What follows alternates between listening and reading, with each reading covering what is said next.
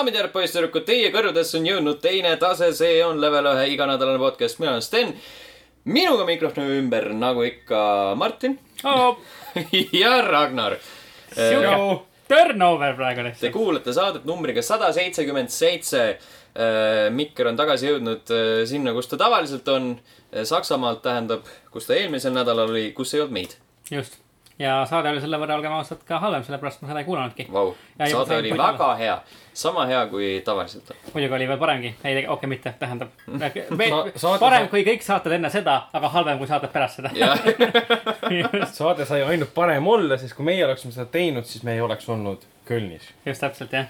nii et kes aga nemad olid ja kuulake kindlasti üle, sest seal on väga palju selliseid ehedaid, ehedaid emotsioone värskelt mm -hmm. mängitud mängude kohta. huvitavaid kommentaare, ma vaatasin, et mingi varasem, varasema episoodi kommentaar oli jõudnud eelmisesse eelmise saate alla. mis oli, mis oli päris tore, see tundus nagu rohkem kommentaare olevat, mida nemad ette lugesid, kui meil nüüd viimased kolm osa äkki olnud on. Võib-olla. kommentaaride puudus päris suur. Mhm, täna on ka seisukord selline, et äh, on kaks kommentaari, aga mitte kumbki ei pärine eelmise saate alt, vaid kuskilt varasemast ajast. okei, esmalt äh, saade number sada seitsekümmend viis. Vaatame kohe, kes see selle jättis, sellepärast et ma ju ei kompe- ko- kopeerinud nime ümber. ei kompenseerinud. ei kompenseerinud ka mitte midagi ja sa leid- leidsid selle siis meie arhiivist nii-öelda? ma leidsin selle arhiivist ja SoundCloud ütles, et äh, väike notifikatsioon, keegi on jätnud kommentaari episoodi sada seitsekümmend viis alla. ja see oli äh, Martin-Erik Maripuu, kes mm. ütles, et äh, ei, vabandust, see on sada kuuskümmend kolm. Nüüd läks küll midagi sada pekki. seitsekümmend viis oli user seitse kaheksa seitse kuus viis kaheksa kaks kaheksa viis, mis on kindlasti, ma arvan, et väga originaalne kasutajanimi. IP aadress. IP aadress. Sten proovi läbida Hollow Knightis Colosseum of Fools'i proovile panekut, seal korraga palju vastaseid ekraanile, lisaks veel muutuv areen, edu ja jaksu. Hollow Knightist räägime üsna pea. See ja ma kahtlen, et ma sinna jõuan mm.. Colosseum of Fools'i proovile panekut. ei no ma, ma mängin ka Hollow Knighti, aga eks ma ei mängi siis seda, et mulle ei soovitata, aitäh. muidugi. muidugi mitte. see on ka olnud praegu mäng, mida ma olen kaalunud, et võiks, võiks ette võtta. jah, ikka veel kuskil mul Switchi peal äh, ootab oma korda mina jätkuvalt. tahaks tänada user seitse kaheksa seitse kuus viis kaheksa kaks kaheksa viite selle eest, et ta sai aru, kes esimesena meist Hollow Knighti ikkagi mängis. Yeah. nagu populariseeris Hollow Knighti mängimise teise taseme podcast'is. jah, tõi selle äh, valguse jumaliku tule olümposelt alla siia. Põhjamaadesse. väga, väga hea, selge. Äh, ning äh, nüüd siis Martin-Erik Maripuu kommentaar episoodi sada kuuskümmend kolm all. kui tahta leida inimesi, kes mitte mingil juhul üksikmänge ei mängi, peaks vaatama niinimetatud CSGO põlvkonna poole. kaheteist kuni viieteistaastased poisikesed, kellel Steamis kaks tuhat pluss tundi CS-i mängitud. Coop Galaxy'st ja muud sellisest ei tea nad midagi. ja ainuke asi, mida nad veel mängivad, on Fortnite või Team Fortress kaks. ma eeldan, et see on Team Fortress kaks mm, -hmm. mitte Titanfall. TF2 on siis äh, kommentaaris toodud. sellega nende mängumaailm piirdubki ja selliseid inimesi on üsna palju.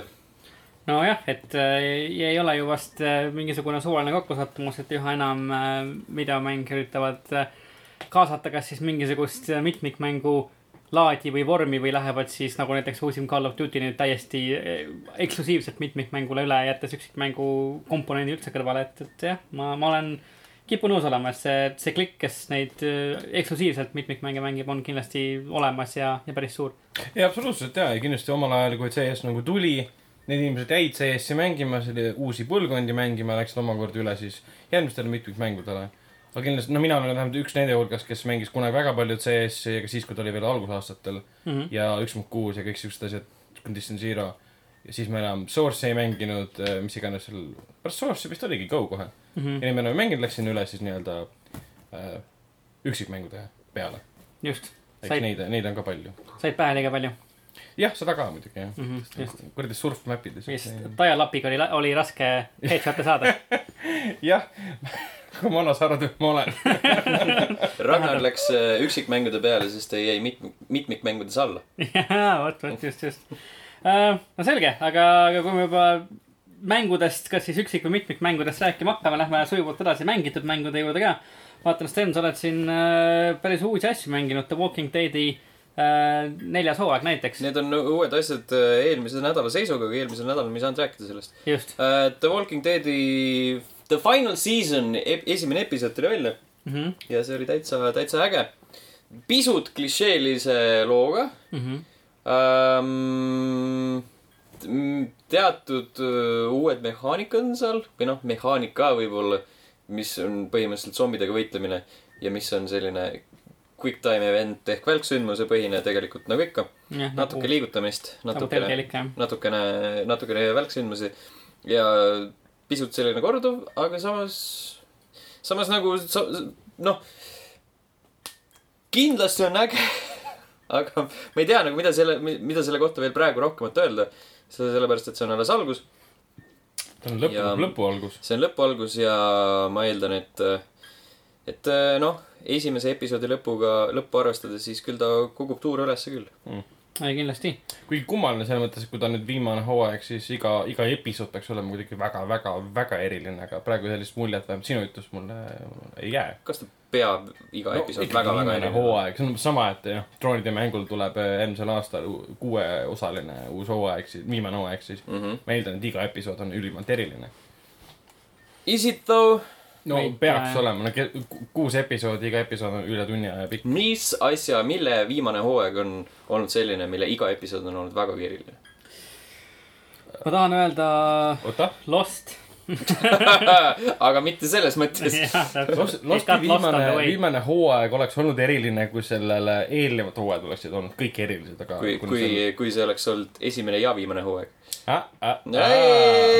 ja selle mõttes, selle mõttes küll, see on hea küsimus tegelikult jah, milline viimane hooaeg on olnud väga, väga eriline, võib-olla troonide mäng seda on ja ma loodan, et seda on ka lõpuni välja, isegi mitte esimese osa põhjal, siis äh, Walking Dead. ma arvan, et äh, et ta on, ta on väga hea mäng lihtsalt, et ta ei saagi eriline olla, sellepärast et kui juba kolm hooaega on ees, siis sul on raske millegagi üllatada, eriti nagu selles, selles keskkonnas selle temaatikaga Mm. mis, mis nagu, mis kasutab äh, seda, seda populaarset teemat, mis on ju äh, popkultuuris olnud juba aastaid ja aastaid ja aastaid ja ei noh aastaid., seda küll, et see on jätkuvalt parem, parem seriaal, ütleme nii, kui see, mis AMC pealt jookseb kui nagu päris seriaal, eh,. teleseriaal. aga ma tahtsin just selle kohta küsida, et neil on ju uus mootor nüüd, on tunda Aa. olulist vahet või, või, või, sest vahepeal oli päris suur probleem, et nende Deltali mängudel lihtsalt kvaliteet oli noh, glitch'ide najal langes tänu sellele, et kasutasid vananenud mootorit. sest see on jätkuvalt seesama, seesama probleem, et äh,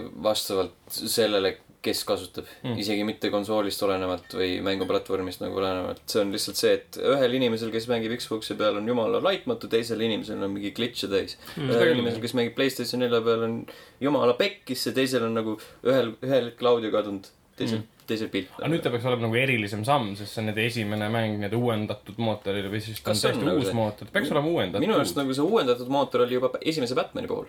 minu arust ka jah. aa, neid ma pole mänginud, nii et ma ei tea. no vot, Mhm. vot, vot. nii et okay. väga suurt edasiminekut selles suhtes ei ole olnud. Mhm, just.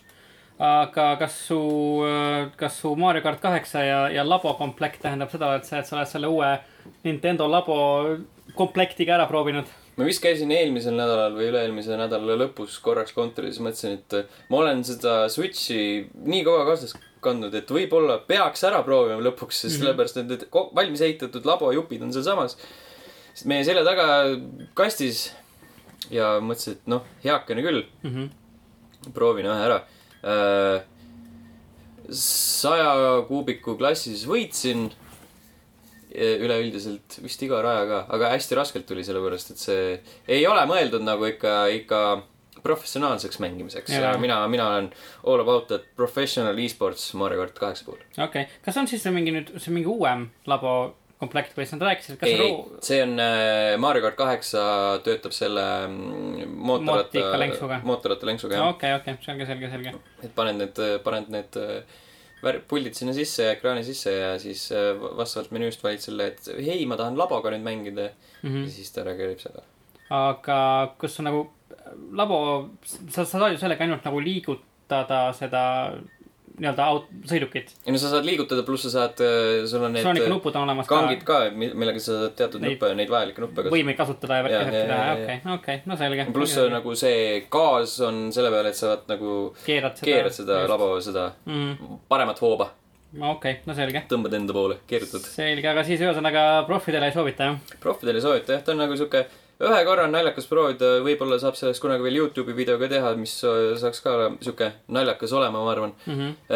tõenäoliselt ma juba ennustan praegu, et video lõppedeks öö, oleks sellest labo, sellest konkreetsest labo mudelist järgi jäänud ainult või järgi jäänud ainult ribad, Mhm. sellepärast et see võib muutuda päris hektiliseks, eriti kui panna see kahesaja peale, kahesaja kuubiku peale, mis mu idee on.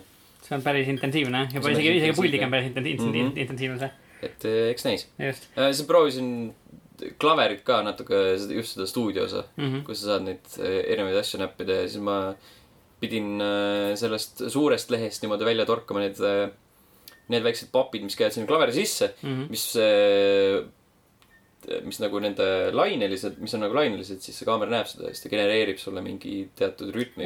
jaa, aga rütmi jah mm -hmm.. okei, selge, selge, selge uh,. lubasid Hollow Knightist rääkida veel Äh, jõudsin Hollow Knightiga sinnamaale, et äh, ekslesin seal kaardil ringi. päästsin mingi tüübi ära, kes avas veel ühe uue poe seal üleval pinna peal. mm. -hmm. ja siis ma läksin tema juurde, vaatasin, et mida ta müüb. kõik oli hästi kallis, kõik oli hästi sellise siukse seosetu kirjeldusega. kas sa mõtled seda nüüd, seda kaardi, ei, ei, mitte kaardi oma. okei, selge. see, see on veel eraldi probleem, mis internetis nagu sellele mängule kaikaid kodaratesse viskab. Aga ma mõtlen nagu seda venda, kes öö, müüb sulle, ma ei tea, mingit laternat või mis iganes okei, mingit taskulampi. sellepärast, et seal äh, ma juba avastasin mingi hästi pimeda koridori, mis, kus üldse ei kannata olla. Mhm. aga ühesõnaga ma jõudsin nagu sinna punkti ja vaatasin kõik, kõike seda, mis ta pakub, onju. mõtlesin, et ma pean nagu nii palju jaurama siin selles mängus, et saada midagi kasulikku, kasvõi sedasama laternat, onju. Mhm. ma pean aru saama, mida, mis need ülejäänud asjad on, mida ta müüb, mis äh, võivad mulle kasulikuks osutuda ja siis mõtlesin, et äh, nagu ma ei tea, kas ma nagu tahan seda lõpuni mängida. tundus, et läheb siukest nagu grindiks kätte ära. tundub natuke jah, siuke pisut grindi mm. Mm. ja kuna, kuna niigi nagu Hollow Knight äh, püsis minu hu huvi orbiidil pigem selle tõttu, et tal on hästi lahe siuke visuaalne stiil Just, ja jah. nagu siuke mõnus tunnetus. mitte nagu selle Metroidvania osapoolest mm, Mhm. -hmm. siis noh, nüüd ka- kaldub sinna teisele poole, siis ta tundub natuke siuke mitte nii äge no eks siis, eks siis näeb, kas jõuad sellega kaugemale või mitte. mm. -hmm. aga nii Sten kui Ragnar mõlemad äh, olete mänginud Hollow Knighti siis nooremat venda, Dead Cellsi. et äh, kuidas, kuidas sellega, et on, on uusi kogemusi, on kaugemale, on läbi tehtud äkki? aastamäng kaks tuhat kaheksateist. sulle meeldib väga, nagu ma väga, aru saan, jah? väga on..., Mm. väga äge. no minu jaoks, kes mina nagu lapsepõlves ei mänginud ei Metroidi mänge, ei Castlevania mänge, isegi hiljem ei ole mänginud.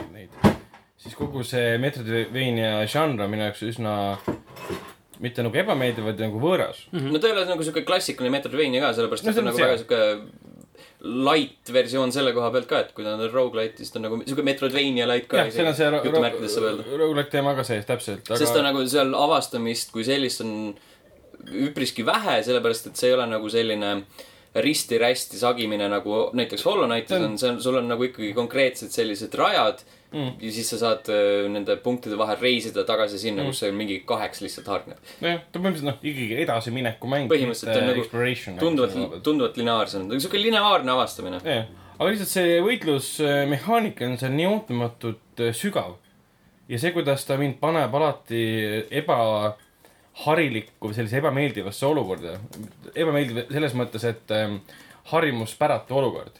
et kus ma, ma ei, leian mingi relva, mis mulle näiteks väga meeldib ja relvakombinatsioonid, mis mulle väga meeldivad. ja kui ma ära suren, siis ma ei pruugi sedasama relvakombinatsiooni enam kunagi saada mm. -hmm. sest see on ikkagi rogu-like ja protseduurilised asjad muutuvad ja see on nagu üsna, üsna nagu meeldiv ja selles mõttes ebameeldiv, kuna ta alguses nagu raputas minu nagu harjumuspäraseid rutiine, kuidas ma taolisi mänge mängin. just, ja nüüd on lihtsalt see, et ma nagu alati ootan, et mida mäng mulle veel pakub. okay.. et mis, ma kasutan relva, mis mulle üldse ei meeldi, aga ma tean, et see on praegu parim relv, mis mul on ja mm -hmm. ma lähen sellega edasi. pluss seal on siis see kolmeosaline see nii-öelda arengusüsteem, mitte tegelase areng, noh, pigem jah, ta on tegelase arengusüsteem, kus sa siis saad eh, täiendada teatud võimeid, kui sa näiteks, mis seal oli, brutaalsus näiteks täiendad seda äh, ainult seda, see on punast värvi vist oli äh,, jah, või oranž, pole tähtis täpselt ka muidugi, siis sa pead kasutama enam-vähem kogu aeg ainult äh, punase, vastava värviga relvi Mm -hmm. see muidu, sul ei ole mõtet kasutada teisi relvi, siis need, need lillasid ja rohelisi, sest need pole nii võimsad enam Mm -hmm. see, aga siis sa pead kasutama täpselt neid relvi, mis sulle võib-olla üldse ei meeldi, aga sa tead, on hetkel kõige tugevamad. Aga sa nagu tasakaalustad seda värki, kui sa on iga kord, kui sa neid Jah. asju võtad. Ah, mina pigem vaatan selle järgi, mis mul on parasjagu, pluss nagu seda, kui palju see mulle elusid annab mm. -hmm. sellepärast, et mida rohkem sa ühte värvi panustad upgrade imise ajal, noh, sellesama jooksu ajal, siis se- seda nõrgemaks muutub see panus, mis ta annab sulle eludes juurde. jah, seda küll, seda küll. Mm, okei. Aga ehk siis, selline- kui sa võtad nagu mingi kümme korda järjest punast või noh, kümne mm., kümne on nagu võib-olla väike, sihuke liialdus. ütleme viis korda järjest võtad punast, esimene kord pakub sulle, et hei, siin on nagu mingi vi- pluss viiskümmend prossa HP-d mm. -hmm. ja teised on ka mingid, noh, umbes samasugused, onju. okei, ja siis, kui sa võtad viiendal korral, siis ta pakub sulle mingi, see on pluss kaksteist, lilla mingi pluss nelikümmend ja siis roheline on pluss viiskümmend mm, -hmm. kui sa ei ole neid valinud. Mhm, okei. jah, vot selline, selline ütleme, täpselt minu rutiinist välja tõmbav, ütleme, mõtlema panev relvasüsteem mulle väga meeldib selle juures mm. -hmm. et ta ei mu- muutu nagu igavaks tänu sellele okay.. et ta, kogu aeg sunnib mind teistmoodi mõtlema, kui ma olen, ütleme, harjunud selliste mm -hmm. puhul. okei, okei. nagu see Dead Cells on nagu mäng, milles suhtes nagu mina ise olen päris pikalt nagu kahe vahel olnud, kas osta või mitte, kõik räägivad temast väga hästi, ta näeb väga äge välja. tasub küll jah. mina olin ka Aga- aga... kusjuures äh, alguses samasugune, siis ma lihtsalt mõtlesin, et äh, ma hammustan seda kuuli mm -hmm. ja siis äh, ostsin ta ära, panin. ikka veel hambus. ikka veel hambus jaa okay.. Ma ütleks ka, et see on üks aasta parimaid mänge kindlasti nagu min, minu puhul on, on nagu asi, asi see, et, et noh, see kuid- kuidagi nagu vastukarva käib võib-olla nagu Ragnarile ka, et sa ütlesid alguses on nagu võõras see kontseptsioon, et sa, et sa nagu alustad iga kord uuesti, et sa lähed nagu algusesse ja mm., hakkad uuesti tulema. ja nagu, kas siis siin ei tule nagu näiteks Sten sinu puhul sisse see asi, millest sa rääkisid Hollow Knightiga seoses, et see, et see nagu see grind hakkab tulema mm -hmm. sisse, et sa pead see... See- nagu ketrama ja ketrama. sest ta on hästi kiire mm. -hmm. Hollow Knight on ikkagi selles mõttes, ta on aeglane. ta on nagu sihuke kaalutletud, Dead Cells on hästi kiiretempoline ja täpselt sellepärast ka, et Hollow Knightis on, on su relv on täpselt sama, vaata mm. -hmm. kõik asjad on täpselt samasugused tegelikult, sa tead, kuhu sa lähed, mis sulle vastu, vastu nagu tuleb mm. -hmm. kuna Dead Cells on äh, protseduuriliselt genereeritud, esiteks siis nagu iga kord on see layout pisut teistsugune ja teiseks sa võid alustada erinevate relvadega mm -hmm.. noh, see nagu oleneb, mida, mida rohkem sa neid lahti ka lukustad ja avastad. et see ka natuke mõjutab, aga selles mõttes, et on peaaegu alati teistsugune, et nagu see. Ma olen ka niimoodi alustanud, et äh, ühe, ühel hetkel võtad, ma ei tea, selle. leiad ühel, ühel momendil leiad äh, mõõga, mis nagu põletab vastaseid ja mm -hmm. siis äh, teises käes on sul see jääpomm ja siis poole pealt sa võid vahetada selle mingi vastupidi, põhimõtteliselt leiad mingit relva, mis põletab vastaseid ja siis selle jääpommi asemel võtad mingid lõksud ja värgid mm. -hmm. see on nagu, sa saad nagu seda jooksu vältel ka muuta, kui sa tahad. okei, huvitav. mul on neid hetki on väga palju olnud, kus ma leian mingi uue relva ja siis seisan seal ligi viis-kümme minutit ja mõtlen, kas ma mm. -hmm. vahetan ära või mitte, kas, kas mul on see kasulik või mitte, aga samas see on nii lahe, et ma lähen ikkagi sellega edasi, ma saan aru pärast, et see oli väga vale, vale valik see. oleneb muidugi sellest hetkest ka, et, et millal sa seda avastad, mida varem sa seda avastad, seda lihtsam yeah. nagu kuradi äh, sellest rütmist välja tulla, aga kui sa oled nagu juba, ma ei tea, mitu, mitu taset läbinud ja mõtled, et hmm, kas ma tahan nagu kategooriliselt muuta enda mm -hmm. mängustiili, mis on nagu mulle juba si sisse nagu ehitatud, et äh, mul on see tulegranaat, viskan, viskan kohe vastastele näkku selle ja siis äh, lähen uidan kiirelt või siis vahetan selle äh, jäävibu vastu, mis paneb nad seisma ja siis ja. kaugelt nagu kõigepealt notin ja siis see mulle noh, meeldibki, et kui ma nüüd ära suren näiteks, ütleme, teine või kolmas, neljas, kümnes kord, jumal teab mitmes kord juba, siis ma tihtipeale ei lähe enam kunagi sama kombo peale, mida ma enne kasutasin. et kogu aeg ma saan midagi uut kasutada ja mulle tundub, et seal on mingi tuhandeid variante, mis kombosid, relvakombosid, ütleme, pommid ja mis iganes sul on, sa kasutada saad mm. -hmm.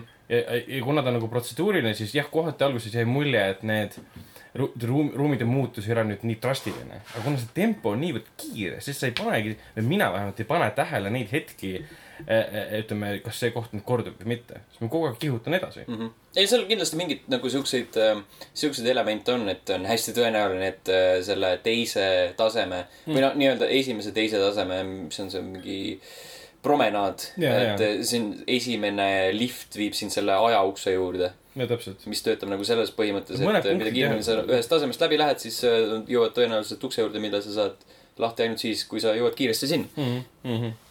aga ei, selles mõttes täiesti minu jaoks ootamatult hea asi. jaa, sama siin Mm, okay.. ma olen ka olnud nagu niimoodi, sellest hetkest peale, kui Sass sellest eelmine aasta kirjutas, mõtlesin ka, et see- see ei ole minu jaoks, nagu see- ma ei, ma ei hakka seda kunagi mängima no praegu lihtsalt kütad järjest nagu neid tunde sinna sisse. täpselt piksliline, piksliline indie, indie rämps tundub esmapilgul vaadates mm, -hmm. hakkad mängima mingi oo, vau.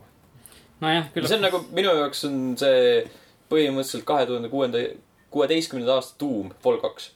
Selles Mm. mm. mõttes, et ma pikalt vaatasin nagu tükk aega, isegi siis, kui see oli välja tulnud, me tegime siin striimi, ma vaatasin, kuidas Mikk mängis siin Mm. mm.. siis mõtlesin, et fuck that, nagu see ei ole üldse lõbus nagu.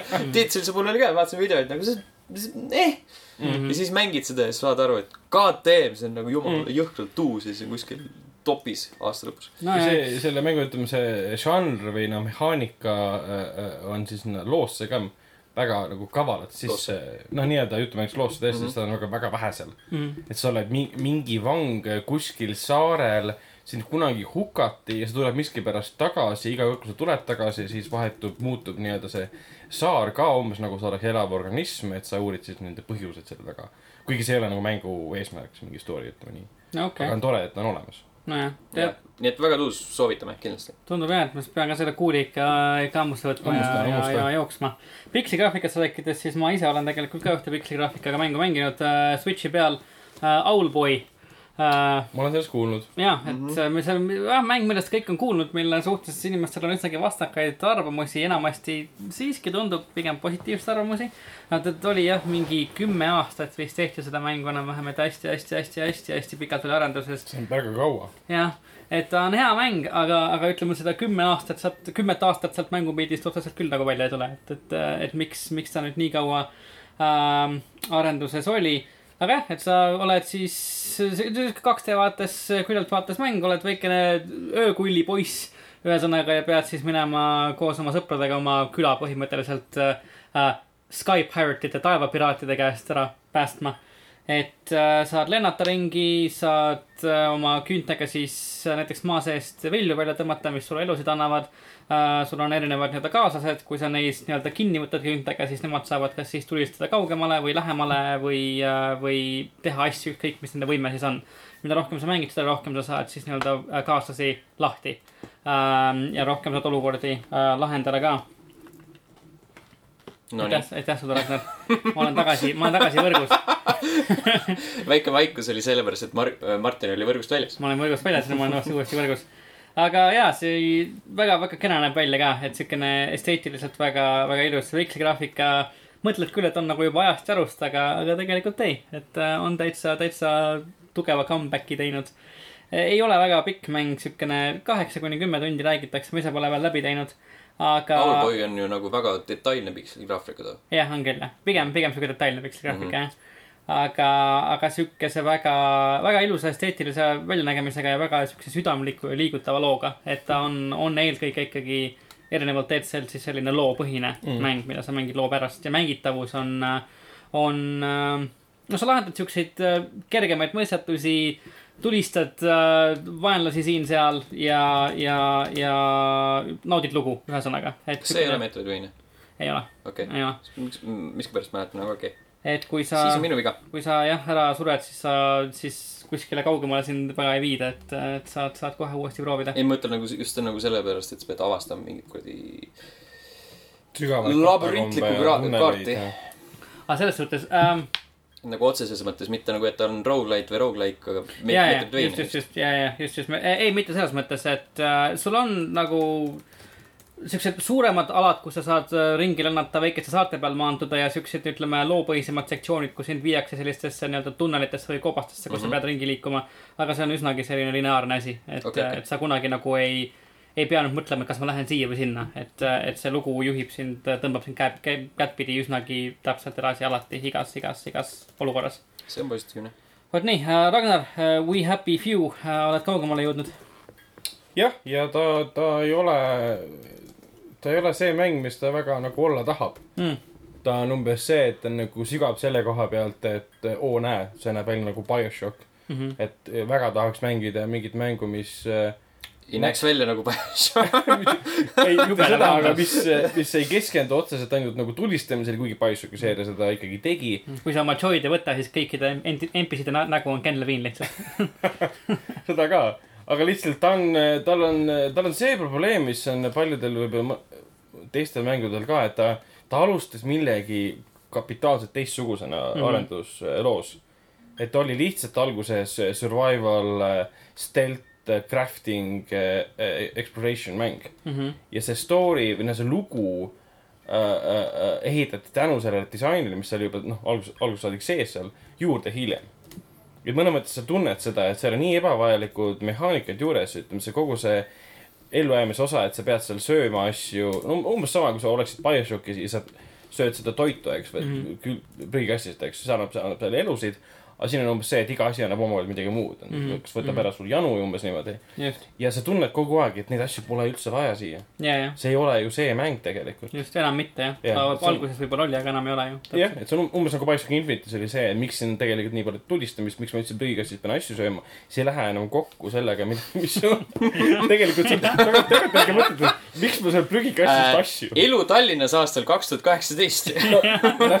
miks, ma tulistan ja prükkan eest. selles mängus on samad, samad nagu probleemid, aga kui sellest nagu eemale vaadata, siis sealt tuleb välja see väga, väga äge, äge lugu äh, sellisest alternatiivsest, no eelmine, üle-eelmine kord rääkisime ka sellest äh, Inglismaast, mis äh, ütleme, kui USA liitlastega ei liitunud Mhm. ja ja siis Natsi-Saksamaa vallutas Inglismaa, sina siis Wellingtonville'i nimelises külas, kus siis olid ka natsid sees põhimõtteliselt ja, ja ühel hetkel te tegite ühe suure kurja teo, mida nimetatakse mänguks, mängus suureks kurjaks teoks, mis nagu põlet piletas või noh, nad läksid ära selle järel siis natsid teie külas vähemalt. ja siis, kuna see tegu oli niivõrd kohutav, siis hakati lihtsalt riiklikul tasandil neid joy pill'e sisse võtma mm. -hmm. mille eesmärk pole sind rõõmsaks teha, vaid eh, et sa unustaksid minevikku. aga kuna seal on väga palju kõrvalnähtusid eh, selle koha pealt, et inimesed ei reageeri sellele nii nagu peaksid ja osadel üldse ei mõju, siis need, kes mäletavad või kes osaliselt mäletavad, lähevad sealt peast hulluks, sest see tõde on niivõrd kohutav. ja siis need inimesed koonduvad siis sellistesse rentslistesse, mis on maha jäetud. kui nad näevad siis teisi inimesi, kes on nagu joy pilli peal, ründavad neid põhimõtteliselt, mind samamoodi rünnati alguses kohe mm.. sellepärast, et ma näen eh, hea välja, mul on uued riided umbes niimoodi, et ma pidin mm. riided ära vahetama, et keegi mind ei ründaks ja, aga see hiilmismehaanika nagu töötab selle mõttes, et kas äh, Joy pillid on äh, fiktsionaalne vaste päris maailma beebipillidele? seda on nalja näide, et vist tehtud natuke liiga palju juba. arvestades, et kui palju see, kui palju see mäng on seotud lastega, siis on see ja just. kommentaar väga sobilik. et äh, ja ma ei tahagi väga ära spoilerdada seda, sest juba selle ütleme, sisu pärast või selle twisti pärast, mida see twist omakorda endaga kaasa tõi sellele ühiskonnale, mis on nagu läbi mängu väga sihuke ülimalt groteskse äh, lahenduse leidnud, et kohati mm -hmm. noh, enne kui mainisin Orwelli mainisin, siis tuleb meelde see kelle värgiga apelsin, mis selle autori nimi oli, Burgess, ei, jah, Burgess vist oli. et tema nagu töid meenutab, et selline ülimalt propagandat täis, et kõik peavad käituma ühtemoodi, sul on mingi Uncle Jack on igal pool televisioonis umbes nii nagu Andrew Ryan näiteks BioShockis, kes alati, oli Andrew Ryan, jah ja, ja, ja kes, korrutab siis kõigile, et kuidas te peate käituma, kuidas te peate olema. et see on hästi-hästi võimas ja millisele, selle äh, rõ-, rõ-, rõõmsale, ütleme, ühiskonnale, mis selle all tegelikult peidus on. aga samas see kõik nagu ei, tule nagu läbi, Mhm. sest see mehaanika on täis ebavajalikke osiseid. just, et nagu see nii-öelda need ellujäämismängu need nii-öelda jäänukid on, on, on ka need asjad, mis mind sellest mängust eelkõige eemal hoiavad Mm. mm., et nad tundub juba eemalt vaadates, et nad ei sobi sellesse kontseptsiooni enam nagu väga sisse. ta nagu osalt ei keskendu sellele väga palju mm, Mhm. -hmm. aga samal ajal ta on seal olemas ja seda nagu, ta nagu ei, ei, segab sind kogu ennast aeg. peale. See ongi kummaline, et sellel mängul on varsti tulemas see sandbox mode season pass'is, kus äh, on, ongi sandbox mode, kus sa saad keskkonda muuta umbes niimoodi, võidelda erinevate vastastega. mis tekitaski minulgi küsimuse, et miks me ei teinud siis kaks erinevat nagu mode'i, et üks on story mode ja üks on siis sandbox mode, miks see tuleb alles hiljem eraldi. miks me peame praegu seda asja kõik koos mängima? sest et seda ei saadud valmis. noh, jah, et noh, Microsofti stuudio on ta nüüd. Gearbox mm. -hmm. Gearbox on, oli see, kes siis sinna rahastuse taha andis. sellepärast, et oli, see lugu hakatigi hiljem juurde tegema. Mhm. ütleme selle loo, lugu, mis on küll hea, aga seda kiirustada tees on sisse pandud. sellest nagu annab tunnistust eriti see, et sa leiad keskkonnast maske, mis mm. trigerdavad siis, annavad sulle siis äh, flashback'e. okei, ja siis sa vaatad neid flashback'e ja need on täiesti suvalistes kohtades, ei seostu mitte millegiga. ja siis sa saad teada siis enda ja siis su peategelase, ütleme venna kohta, mis minevikus juhtus. Mhm. aga see umbes see, et see on kõige laisem viis, kuidas lugu jutustada.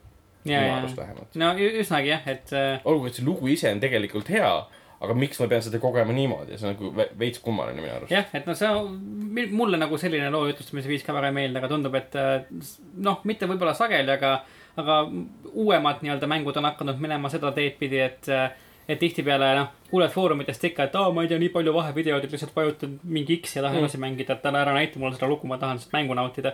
ja siis nii-öelda see lugu või see noh, selle loo nii-öelda äh, mängija kaugemad osised, kus sa ei saa mängu kontrollida, tehaksegi nii-öelda valikuliseks, et sa ei, sa ei pea neid nii-öelda et nautima. samas see võtab minu arust küll nagu loost ära, et, et kui sa keskendud, kui sa teed mängu, milles lugu on keskne, siis lihtsalt jää endale kindlaks ja, ja räägi oma lugu. jah, et see on siin antud juhul ei suudetud seda valikut, valikut teha ja mulle tundub ka enamus kriitikud on üsna negatiivselt sellesse suhtunud. niisugune jah, niisugune kesine reaktsioon on minu ja arust ütlevad, ta näeb väga ilus välja, ta näebki ilus välja mm. -hmm., glitch'i on seal jagub, ma tegin ühe glitch'i isegi meelega järele, mida ma nägin siis Kotaku highlight reel'is mm. -hmm. täiesti alguses on seal üks, üks mees ja naine üles poonud, sest nad äh, mäletasid seda, mida nad tegid.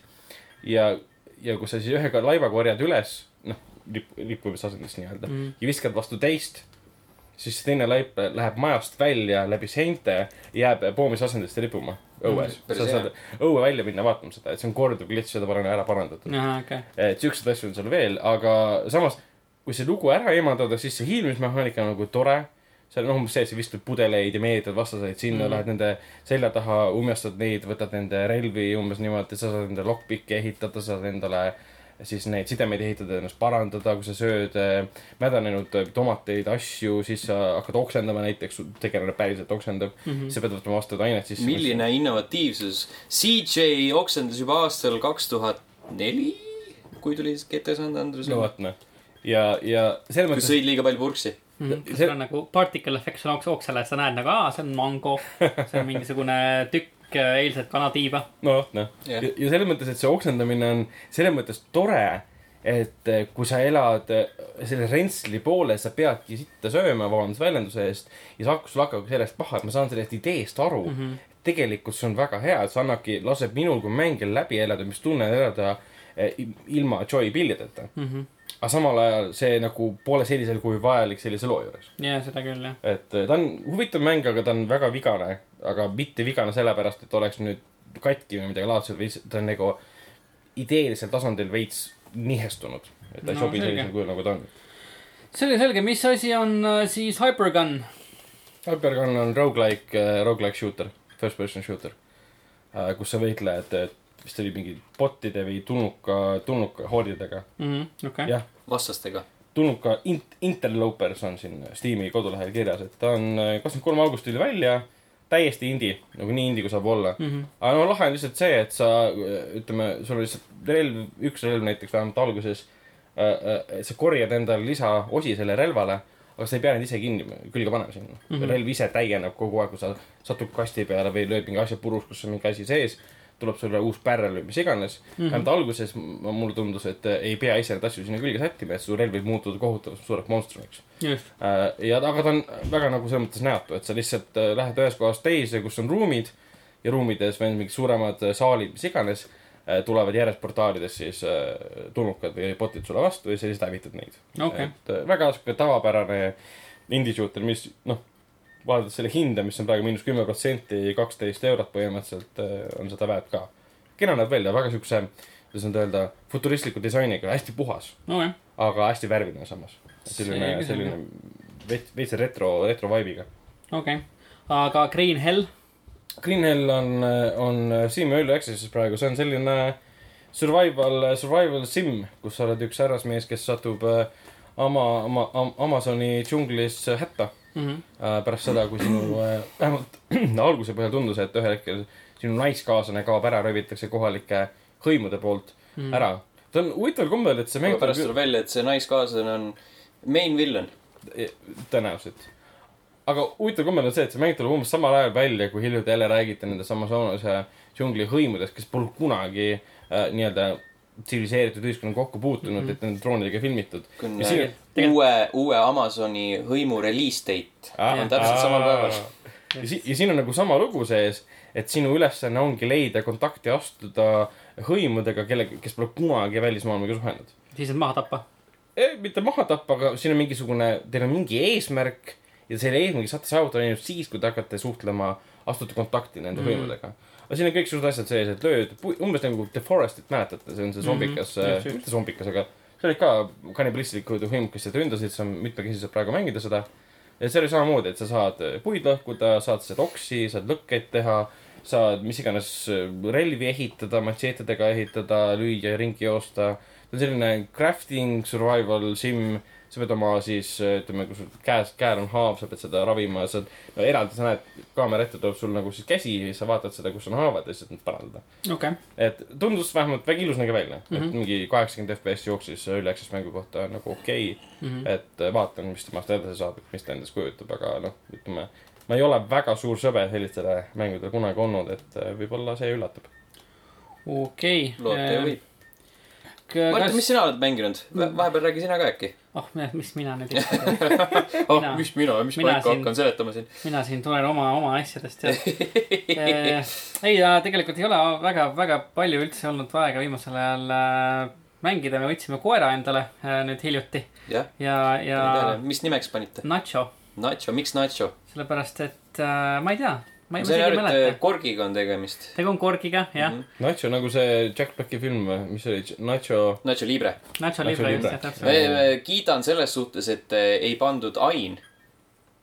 nagu Cowboy Bebopis on, vaata. aa, ja, ja, okei Pole kunagi seda vaadanud. ma Jaa. tean, et see on maailma parim asi pärast on pole kunagi, näinud. see on väga hea anime. ma polegi vaadanud, aga ma olen kuulnud, et seal on siuke tegelane mm. -hmm. Nacho jaa, ma ei tea, me juba pikka aega oleme elukaaslasega rääkinud, et tahame koera võtta ja siis, siis see Nacho on kuskilt äh, tekkinud, nimi, mis, mis meile mõlemale meeldis ja siis Nachoks on ta saanud ka. ja, ja see noor kutsikas võtab, võtab päris palju äh, aega ja energiat ära, nii et ei ole väga palju jõudnud ähm,. aga lisaks Owlboyle siis veel Overcooked kahte on natukene mängitud, mis on, on jätkuvalt Overcooked, aga järjenumbriga kaks Äh, ja Okami HD-d on ka natuke veel edasi, edasi mängitud, mitte küll väga palju, et lõpp veel kätte ei paista, aga, aga natukene, natukene ikka jah. Ja see on kõik. eks see läheb sul teemasse, teemasse ka tegelikult, sa mängid Okamit, kus sa oled hunt, kes jookseb ringi, sul on kodus koer, mm -hmm,, mis on väga far-fetched praegu seosed, aga ikkagi. aga ta on seal, ta on seal sellegipoolest mm. Mhm. -hmm. et järgmine nädal loodan, loodan natukene, loodan natukene pikemalt rääkida. aga, aga elame-näeme, vaatame, mis saab. kas siis äh, uue Shenmue kolme äh, ilmumiskuupäeva valguses oled sa Sten varasemaid mänge mänginud? Äh, ma kusjuures eeltellisin need eelmisel nädalal vist. Shenmue kolme. või kahe, ühe, kahe HD versioonid, mis ilmusid okei. või üle-eelmisel nädalal, millal iganes enne seda, kui nad ilmusid, igatahes ma panin kohe juba selle tellimuse virtuaalselt teele Xbox'i sees mm. -hmm. mõtlesin, et ma tahan neid kindlasti proovida. Need ei olnud eriti kallid ka, minu arust kaks tükki olid mõlemad. Kokku oli mingi kakskümmend eurot. no, no siis jah mm.. võib-olla kakskümmend viis, kolmkümmend äh,. igatahes ma natukene esimese episoodi algust tegin äh, hästi puine, hästi halb hääl näitlemine inglise keeles, nii naljakas on. on küll jah. päris, päris sihuke huvitav on mängida seda. ta on tunda, kuidas, et äh, kuidas ta on selline arhailine süsteem aastast kaks tuhat või mis iganes ta oli. kõik, kõikide linnaelanike juures käid küsimas, et hei, kas te nägite seda musta autot, kes äh, selle intsidendi juhtul siit linnast ära sõitis mm.? mm. -hmm. ja mulle meeldib see, et äh, seal on nagu sihukest äh, isiklikku avastamist, ehk siis ei ole sellist, sellist käest hoidmist nagu tänapäeva mängudes on, et äh, iga kord, kui sa saad uue vihje, siis kohe tuleb, tekib ekraanile mingi sihuke kollane tuluke, mille järgi, järgi sa lähed, et sa pead ikka ise aru saama, et kui keegi ütleb sulle, et mine sinna Hiina restorani, siis sa pead teadma või otsima, et kus see Hiina restoran mm. ikkagi tegelikult on. okei, okei, selge, ma ei ole nagu väga palju mäng- mänginud. see oligi, et sain natuke linnas ringi käia, sain äh, inimestega rääkida ja siis äh, esimese suure asjana käisin äh, seda gacha automaati näppimas mm. -hmm. ehk siis see, et paned raha sisse, saad väikse, väikse pallikese, mille sees on auhind. Mhm. ja siis äh, esimene asi, mis ta, mis Riu ütleb, on see, et äh, ma ei tohiks siin raha väga palju raisata. ja siis, kui sa esimese võtad, siis peale seda e- järgmine asi, mis ta ütleb, äkki prooviks veel või? vaatad, mis saab jah. jaa. no selge, okei okay.. Aga siis äh, hetkel mängitud põhjal, kas Shenmue kolm tuleb ka siis lõpuks äh, sinu kogusse ära? võib-olla, ma ei tea, ma ei tea, millal ma jõuan Shenmue kaheni no peaks päris pikad mängud olema tegelikult. mm,. kohe vaatame, teeme selle kurikuulsa How long to beat'i ka ära kohe. to beat. aga ma ei tea, millal ma jõuan esimese lõppu, ma ei tea, kus ma selle aja võtan, sellepärast et äh, valdav äh, kakskümmend tundi ossa joodes. No teine episood kakskümmend üheksa pool tundi, ossa raive oh,. korralik, väga, väga korralik. peab aega varuma jah. ja no Witcher kolm vaja ju ka veel läbi teha lõppude Witcher lõpuks. kolm jah, pluss siis on mõned teised mängud siis tuleb juba Cyberpunk välja raudselt jah ja mõ- mõned teised mängud, millest ma ei saa rääkida, aga mis on mu aja, aja röövinud mm. mm. -hmm. -hmm. see vist jääb Gamescomi eelsesse aega, kui ma proovisin Valkyria Chronicles nelja demo. Mm -hmm. Kuna mulle esimene meeldis kunagi omal ajal ja siis meeldis ka, kui see remastered versioon välja tuli. siis äh, meeldis ka neljas, aga hästi palju on sellist muidugi ootamist demo puhul vähemalt, sellepärast et ta üritab sulle asju õpetada. just, just, just jah. ja siis on seal siukest äh, esimese korra puhul on hästi palju siukest läbiklõpsimist.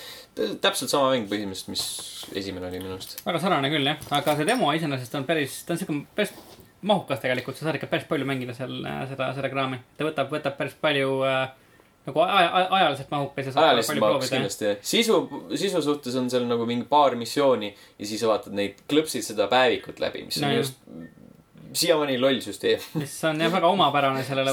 omapärane on hea sõna. kas, ta on just nagu kõige nii-öelda kasulikum ja kõige nii-öelda kasutajasõbralikum süsteem, see on omaette see asi on. see, see moment, kui sa räägid enda vanemale, et mida sa elukutseks oled valinud, siis tema ütleb selle peale huvitav. väga huvitav. sul on niimoodi olnud jah? kas just elukutse peale, aga muude võib-olla eluaspektide peale Mm. äh,. mängisid Shenmue ühte, huvitav. huvitav, huvitav valik.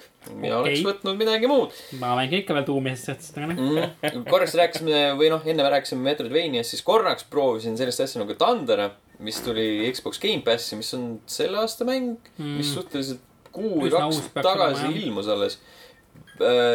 selle gimmick on see, et sa oled mingi, kuues veebruar. okei okay,, no ühesõnaga sel aastal mm. -hmm. Äh, sa oled mingi tütarlaps, kes äh, lendleb maailmas ringi ja jääb kinni ainult äh, aladele, mille peal on sool. okei okay., ühesõnaga ta on soolane. ta on soolane. hei, minu, eh, aga nagu mis äh,, mi, miks sool, ma ei tea. miks ta lendleb? seal, seal on mingi loor on seal taga ja seal on mingi see teema, et sa saad nagu nende alade vahel hüpelda mm. -hmm. sa ei saa nagu kuskile hõljuda või midagi siukest, vahel võib olla mingid vastased, keda sa saad tulistada ja siis saad avastada. ja siis mõtlesin, et jah, sihuke pool tundi oli päris tore, rohkem ma nagu vi- eriti ei viitsi. Mhm. peale seda laadisin apsu alla okei, ja mängisin selle läbi Mhm. ja see oli okei okay., okei, see oli okei okay., fantastiline mäng. see oli okei okay.. Ma olen seda mingi kolm-neli korda läbi. valdav enamus sellest mängust äh, leiab aset vee all ja nagu me teame, siis veealused äh, levelid võivad reeglina äh, ühte teatud jäset imeda ning täpselt sama saab öelda apsu kohta, mille kaamera on suhteliselt fucking puine. arvut-, arvuti peal seda probleemi vähemalt minul küll ei olnud. Tuletan meelde, Ragnar on uus graafikakaart, mis äh, on elimineerib kõik probleemid ja ja vesi voolab palju paremini seal läheb läbi ekraani, klaviatuur on niiske lihtsalt. mm. -hmm. ei, mulle see mäng meenutas ikkagi, kuna ta on That Game Company ühe, ühe liikme, endise liikme uue stuudio mäng, siis ta meenutas väga palju, siis meenutas Journey't ja, ja Flowerit jah, ja. obviously. Flower mulle meeldis, Flower oli nagu sihuke äh, äh, relaxing, sihuke mm., sihuke, sihuke hea meditatsi-, mediteerimismäng. apsu mm,. ausalt on rohkem sellist interaktiivset osa selle koha pealt, et sa pead teatud asju tegema Apsu- igas piirkonnas. nagu, ta nagu ei öelnud midagi. mulle küll nagu ütles, eriti just see lugu, mis sealt välja voolas. Pun intended jah Jah. Mhm. jah, jah, noh, ja jah. kuna see lugu on minu arust väga hästi jutustatud ka, see on erakordne, hea näide jälle mängus, mis ei kasuta ühtegi sõna. ja tal polegi vaja, et sa saaksid loost aru. kõik on disainis sees olemas ja see mulle väga minu meeldis., minu arust ei olnud see lugu üldse huvitav aa, no see on maitse küsimus jälle. mm.. minu arust need kõige ilusamad momendid olid siis, kui sa ujusid koos nende vaaladega kuskil sügavustes ei no on nagu teatud kanalites. visuaalselt äh, hämmastavaid momente on seal kindlasti mm., aga Mm. nagu, nagu see komplekt üleüldisena ei avaldanud mulle muljet. et ta on nagu okei okay mäng. ta ei ole nagu mingi sihuke the best shit ever. minul, minul läks ta sel aastal, kui ta välja tuli, mis ta võis olla, kaks tuhat seitseteist läks top kümnesse minu arust. Võib-olla oli kaks tuhat seitseteist. jah, mulle, mulle väga sügav, sügav mulje jättis väga. jah, ma ei tea, ma olen, ma olen kuskil, kaks tuhat kuusteist. kaks tuhat kuusteist jah kuskil, kuskil spektrumi keskel.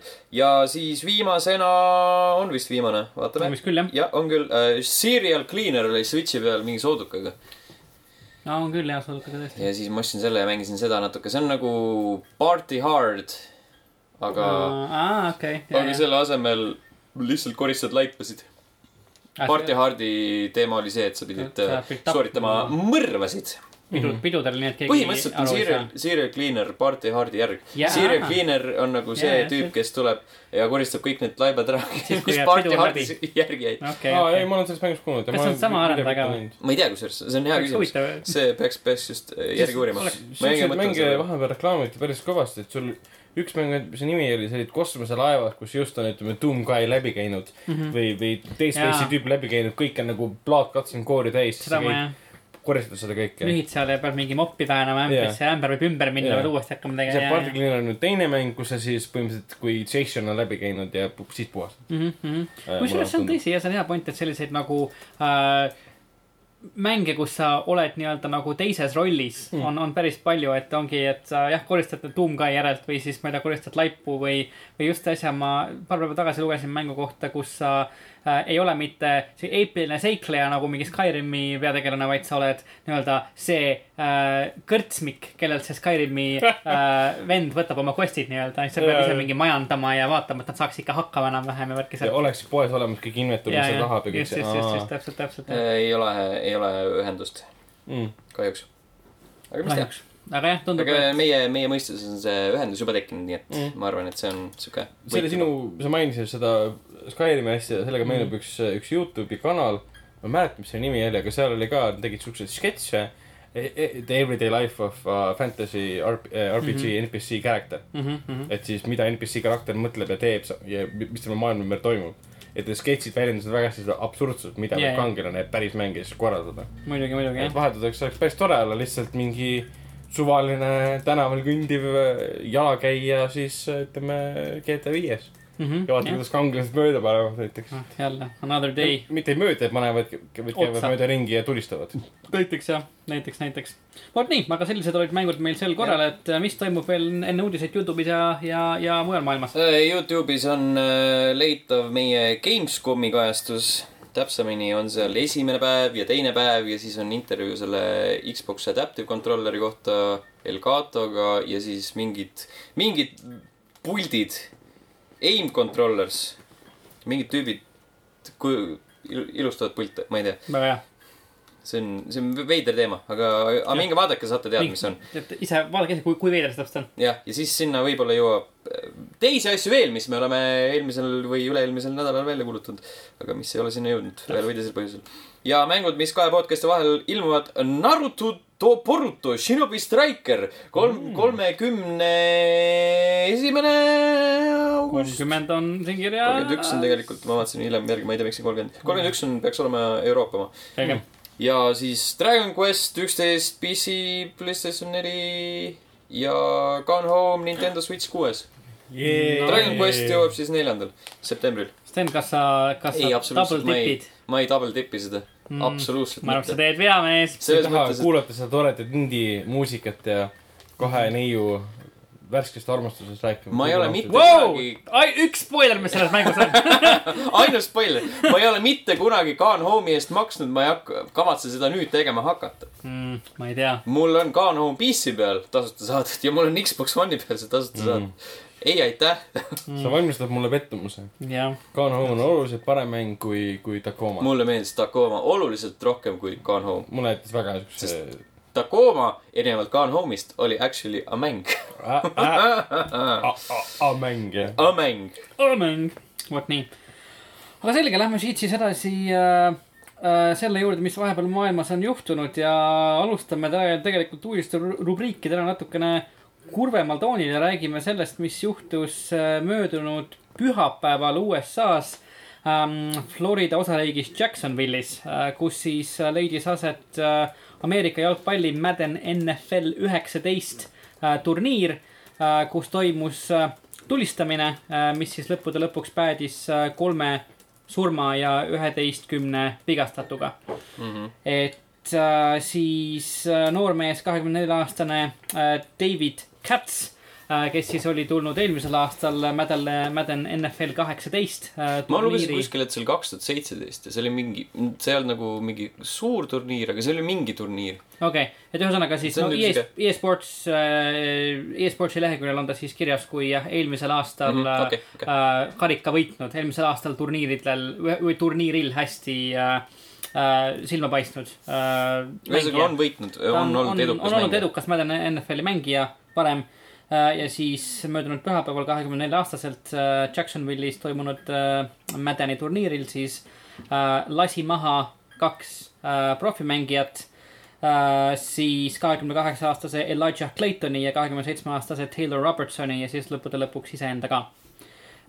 Ja mis oli minu arust veel kõige õõvastavam tegelikult oli see, et voogedastuskanalites siis striimi jälginud inimesed võisid näha siis äh, nii-öelda seda tulistamise algust ka või seda momenti, mis siis vahetult eelnes tulistamisele, kui ühe äh, mängija rinnale siis ilmus see punane lasersihiku mm Mhm. -hmm. täpp ja siis just sel momendil äh, see edastus ka, ülekanne ka lõpetati. Nad lõpetasid kaamerapildi ära, Just, aga heliliselt Heli kanti see nagu see algus ikkagi üle Mhm. keegi karjus sulle, et millega ta mind lasi. ja, ja ma kuulasin ka seda, ikka väga võigas audio oli Mhm. see, et täitsa kohutav.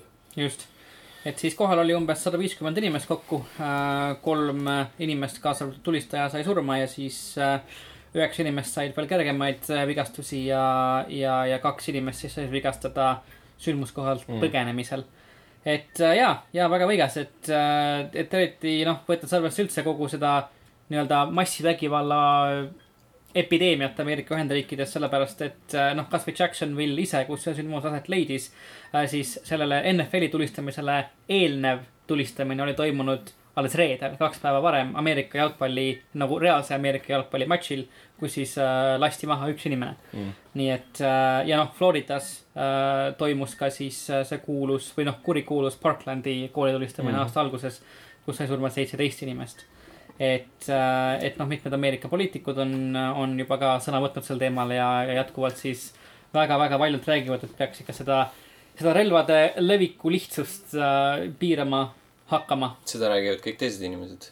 no seda räägivad osad poliitikud ka No ja no, noh,, kuigi no- mitte alati, et, et siin varasemalt sai ju välja toodud, et, et juba leiti ka äh, selle NFL-i juhtumi puhul viis, kuidas videomänge süüdistada ja mitte siis äh, seda, et igaüks saab endale relva osta põhimõtteliselt kust, kust iganes.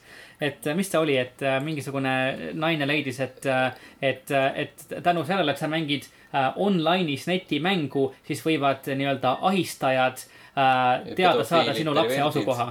just Jah. jah, mis on nagu väga veider ja mis on üpriski võimatu. ja mis on üsna jah, keeruline. mis on nii otsitud ja kaudne seos antud juhtumiga tegelikult, et ma ei saanud üldse aru, millest ta räägib. Ma ei saa- ma ei tea. Ankuri Miks? sekund, et miks sa asjast ei räägi no. see oli Fox News. jah, News ja, aga see vabandust, aga see David Katz, ta oli, kas ta, Katz, kas ta oli sealsamas sündmuses siis osaleja ka? ei olnud, Ei minu, minu, minu äh, arust, nii palju, kui sündmus? mina olen lugenud, siis ei olnud no,. Maddeni võistlusel. mis äh, mõttes? Käts või? jaa, ta Kas ta mängis osales, ta mängis jaa sellest on klipp ka ju. See oli meie aga artiklis kas oli see sama, see oli selle sama võistluse klipp. selge, siis küll, ma mõtlesin, et see oli eel- eelmise see, kus aasta. need äh, teadvustajad seda kirjeldasid. jah, minu arust see Sama- oli see sama sama võistlus igatahes ta, igatahes ta võttis osa sellest. ma ei no okei okay,, heakene küll, ma ei anna nüüd pead, kas see klipp oli samast, ma ei oska nüüd ja seda teadvustajate kirjeldust ma aga lugesin, jah. jaa, aga see, ta võistles, ta kaotas, ta läks ära ja siis tuli tagasi. ja siis tulistas.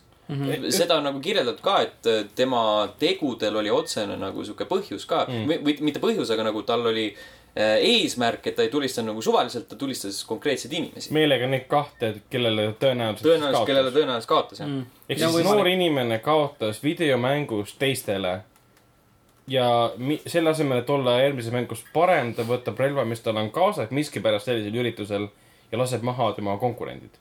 No võimalik jah. et see on, see on kõik ka puhas spekulatsioon, minu arust No no, jah. seda ei ole, tema motiive ei ole nagu minu Noh, arust päris täpselt. seal on muidugi sajaprotsendiliselt kindel jah, aga seda on nagu hästi palju aga räägitud. sellest, seda on jah mm. -hmm. siin-seal üles toodud, et see võis olla sellepärast, et ta kaotas jah. noh, ja kus, pluss see, kuidas seda kirjeldati, ehk eh, hoiab omaette ja hästi raske on nagu suhelda temaga, ükskõik isegi kui sa räägid mängust.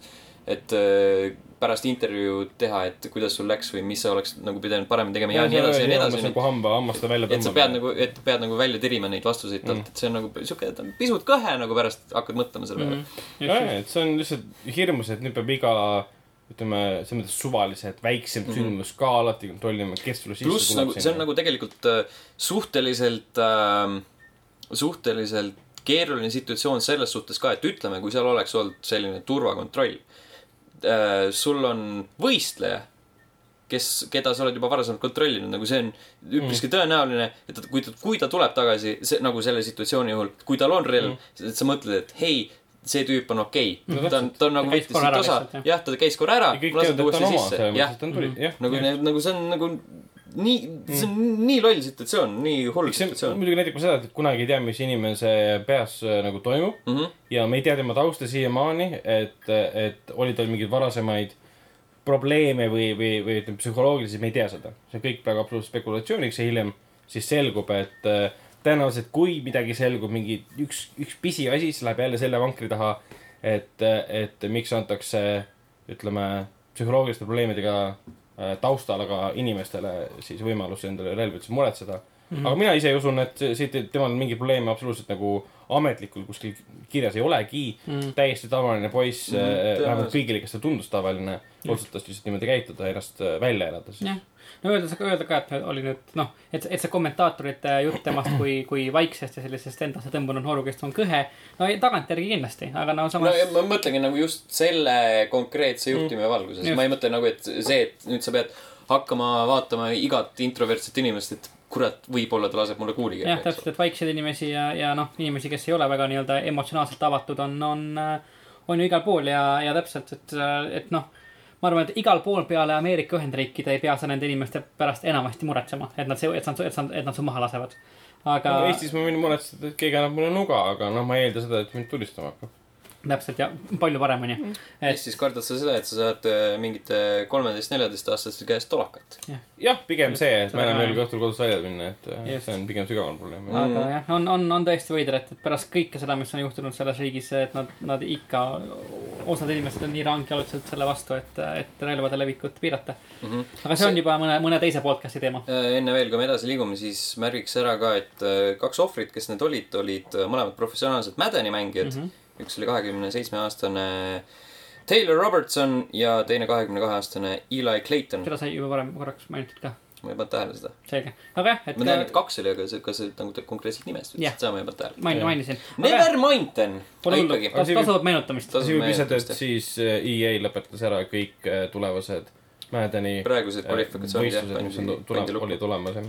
just, vot nii, aga igatahes äh, jaa, kaastunne siis äh, äh, varakult lahkunud omastele.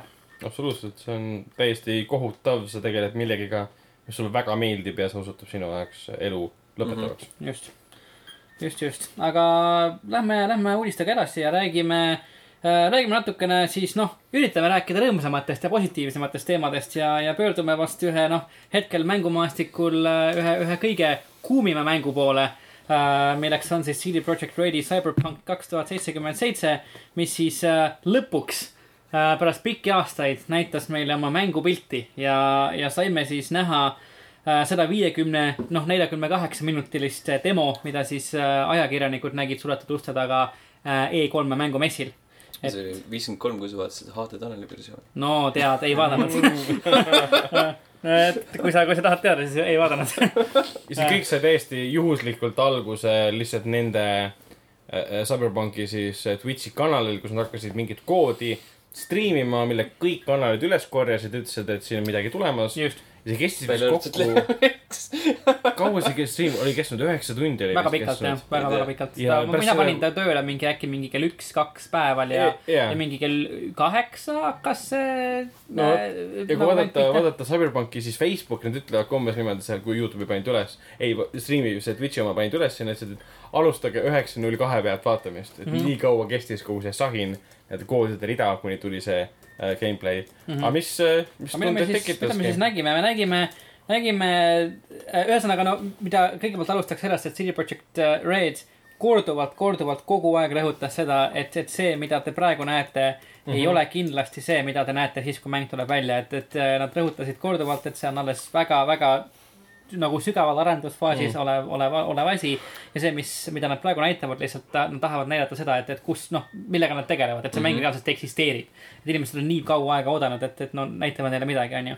aga mida me nägime minu arust oli see, me nägime me nägime midagi, midagi üsna tuttavlikku, aga, aga, aga, aga uues ja huvitavamas mahlas kui varem. et ta mm -hmm. oli siukene segu Witcherist, oli segu Deus Exist ja siis, ja siis veel millestki. veits nagu GTA viies. veits nagu GTA viis, et äh, see tulistamise mehaanika iseenesest äh, vähemalt selle video alguses oli üsnagi tavapärane, aga nagu nad ise selle video lõpus peale jutustaja, peale rääkijaga ütles siis, et no nii, nüüd me siis nii-öelda me lukustame lahti need nii-öelda kõrge leveli tegelase võimed ja siis see tulistamine võttis täiesti uued mõõtmed mm, -hmm. ta oli liikuv, ta oli kiire, seal oli hästi palju võimeid, asju, värki-särki.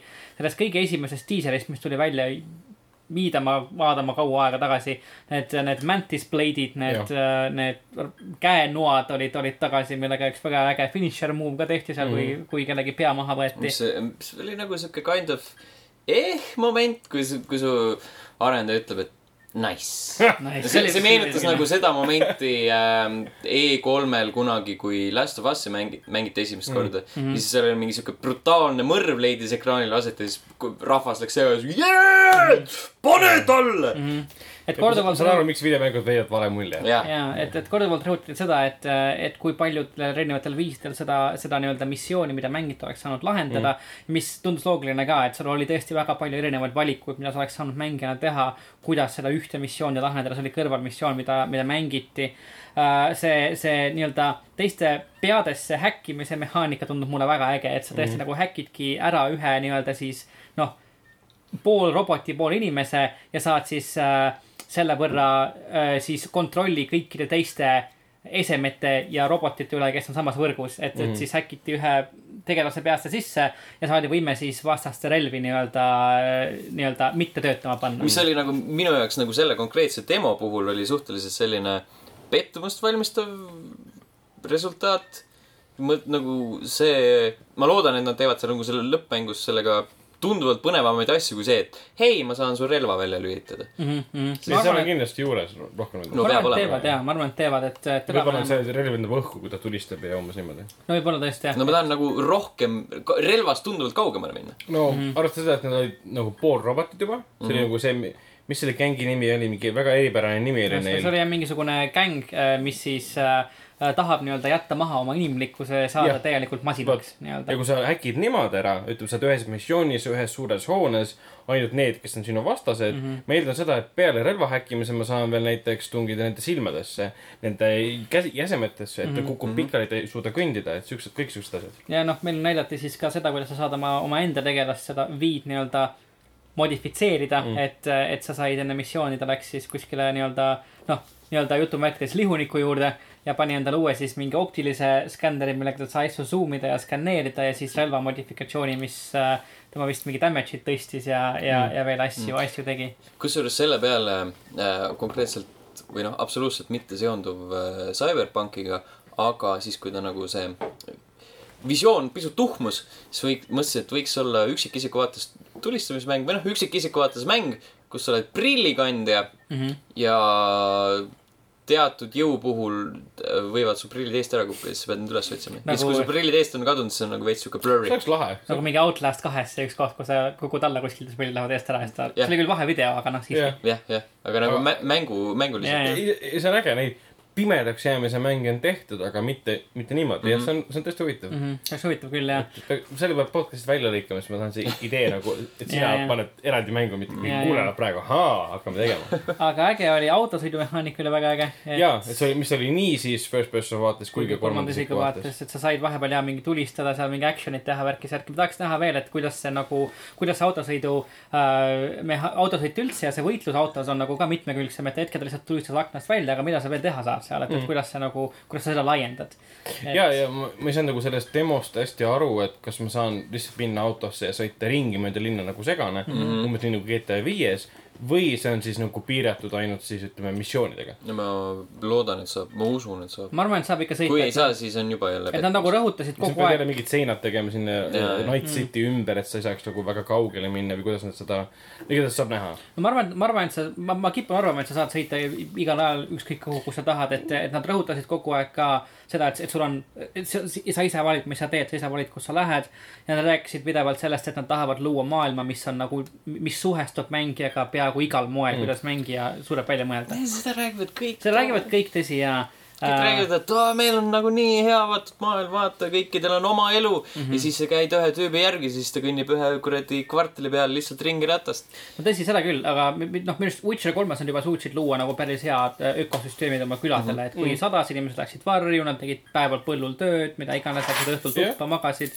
Et see oli huvitav ja minu arust nagu kogu selle demo üks suurimaid highlight'e minu jaoks oligi see, see Night City, see linn ise, ta nägi nagu nii orgaaniline välja, et ta nägi, ta nägi. inimesed läksid tuppa magama. juba siis, kui oli Fallout kolm nojah, ja tuppa magama kindlasti aga, aga see kogu see see oli lihtsalt nagu näide, vaata, mis see Martin nagu tuli. ja, ja ei, muidugi, muidugi, et see mehaanika on olnud olemas juba, see idee luua mm -hmm. nagu äh, virtuaalset ühiskonda on eksisteerinud pikalt, aga lihtsalt seda arendatakse pidevalt äh, edasi ja mm vähemalt selle põhjal, mida me nägime selles demos, see tundus nagu need, need massid ja see rahva liikumine ja kõik see tundus olevat päris äh, äge mm.. et mis mulle endale meeldis, näiteks oli veel ka see, kus äh, Vi läks mööda sellest äh, politsei mingit uurimisstseenist äh,. et see tundub olevat siukene mingi kõrvalmissiooni maiguline asi, kus sa saad äkki mingeid mõrvu uurida ja värki-särki midagi taolist teha, et, et, et huvitav. seal oli jah, hologrammidega, siis sa nägid, et mis juhtus just, selles samas kohas.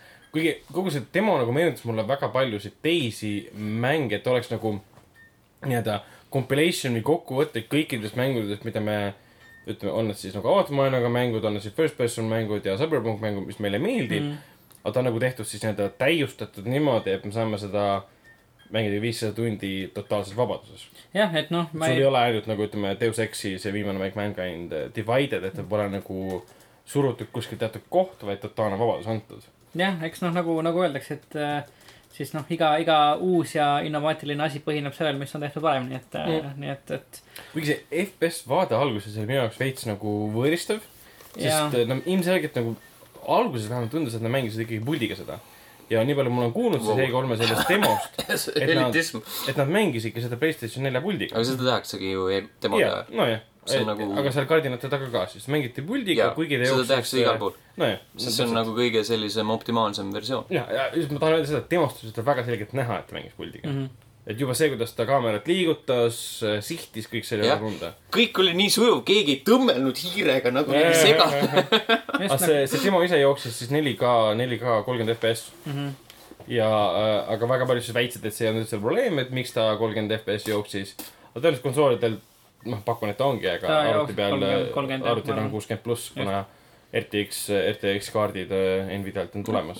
kusjuures see esimene, esimene isiku vaade oli minu arust nagu nii palju, kui ma olen lugenud kommentaare, on ka üks põhilisi asju, mis inimestele nii-öelda hambusse jääb, et mm., et nad noh, kui sa pole äkki järgi, järginud nii palju selle mängu arendusprotsessi kui, kui meie, siis noh, sa ei tea, et on esimese isiku vaates mäng. kui meie, kui meie, väike elitism jällegi. Aga, aga pluss üks. pluss üks täpselt, aga, aga noh, inimesed tahavad äkki saada kolmanda isiku vaates nagu sellist nagu noh, inimperspektiivi ka, mitte ainult autost kolmandat isikut. aga see, see mäng minu arust ei saa töötada väga kolmanda isiku vaates, sellepärast seda põhineb, see kogu see nii-öelda see HUD põhineb nii väga sellel, et, et sa näed seda, mida su tegelane näeb Mm. et ja kui sa tõmbad selle pildi tegelase taha, siis see, see nagu sisseelamismoment äh, Mm. mm. läheb pooleks keskelt lihtsalt. ja seal demo lõpus olevat siis on, mine seda üldse tähele pannud, aga Reddit paneb kõike tähele, oli siis pikk tekst olnud ka peidetud. just, just, just. kus siis CD Projekt Red annab teada, et mis olid see kaalutlused selle taga, et miks nad nii hiljem andsid selle välja, selle demo alles ja miks nad üldse ei tahtnud seda välja anda mm. -hmm. ja põhjendus oligi täpselt see, mida sa alguses ütlesid, et see kõik, mida me nägime seal, võib täiesti muutuda. just, et nad äh, kartsid ikka seda ka, et, et. äh, kuigi nagu kogu mäng on otsast lõpuni mängitav nende stuudios. jah täpselt, just, täpselt, täpselt, et no aga andsime nagu mõista, et võivad muutuda HUD-i elemendid, no tulistamise seda, elemendid. seda peab muutma. Hard oli totaalne rämps. jah, seda tahtsin just öelda ka, et see HUD mind nagu häiris, sest liiga palju rämpsu oli mm -hmm. pildis sees.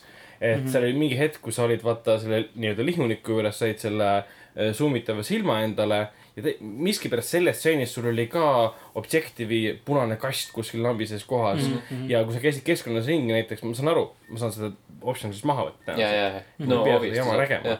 aga lihtsalt mind nagu häiris see, et ilus, äge linn, tahaks seda nautida, mitte näha iga tegelase peal mingeid asju või kuskilt mingid asjad tulevad välja.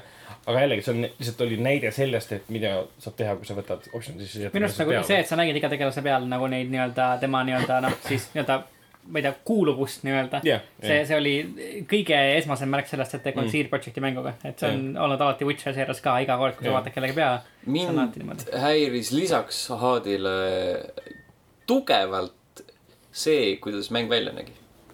just Ah, selle selle poolest, et äh, see esimene E3-e treiler, see oli niivõrd värvikas ja see nagu lihtsalt nagu kargas ekraanist välja ja siis tuleb see neljakümne kaheksa minutiline video, kus kõik on nagu sihuke hästi sihuke no ta, läbi filtri ja siis No. nagu vaataks läbi sitase akna tänavale, kui seal ei ole nagu neid värve.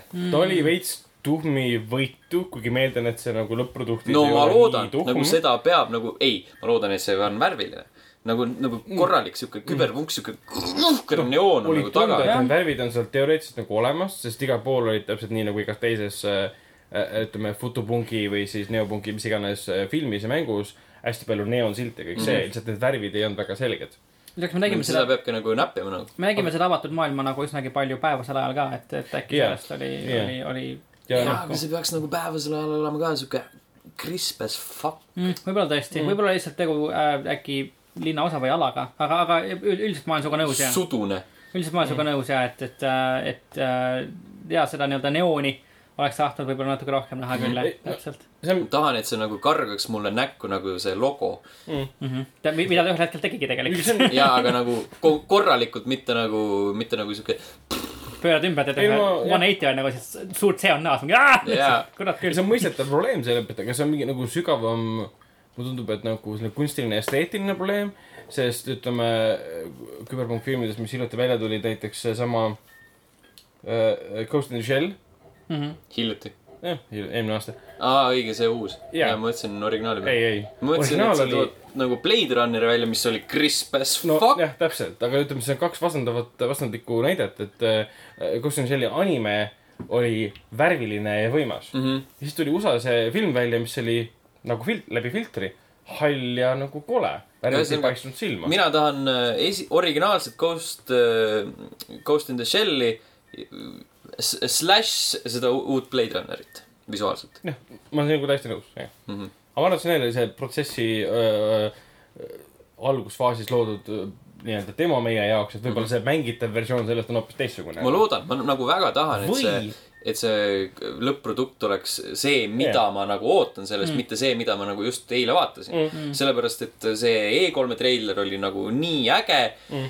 ja lisaks nagu see mängitavus, see, mida ma nägin, tekitas mulle tahtmise, et hei, läheks tagasi, mängiks Fallout New Vegast mm. -hmm. sellepärast, et seal on nagu siukseid mm. tuntavaid elemente selles ma arvan jah, et, et osalt nagu CD Projekt on, on CyberPunki reklaamikampaaniaga endale loonud raskema olukorra võrreldes näiteks Witcheriga, kuna Witcheri puhul nad ei teinud kordagi äh, treilereid, mis äh, okei okay,, nad tegid küll, aga enamik äh, reklaamimaterjalist oli ikkagi äh, nagu mängumootoris sees genereeritud, et, et ta nägi välja nagu et noh, mootorisisene nii-öelda, tal No tal oli küll neid cinematic treilereid No, aga, aga sellest on ju hästi palju räägitud, et olid, on see jah. downgrade jaa. äh, Neil olid ikkagi need game, pikad gameplay videod, mis jah, tegelikult äh, hiljem ei vastanud üldse sellele, mis mäng ma arvan, et nagu praegu on see probleem lihtsalt selles, et Witcher kolm on niivõrd kõrgele latile seatud, nagu ta on. Mm,. ehk siis ta oli absoluutselt igal pool Game of the Year, meil oli ka.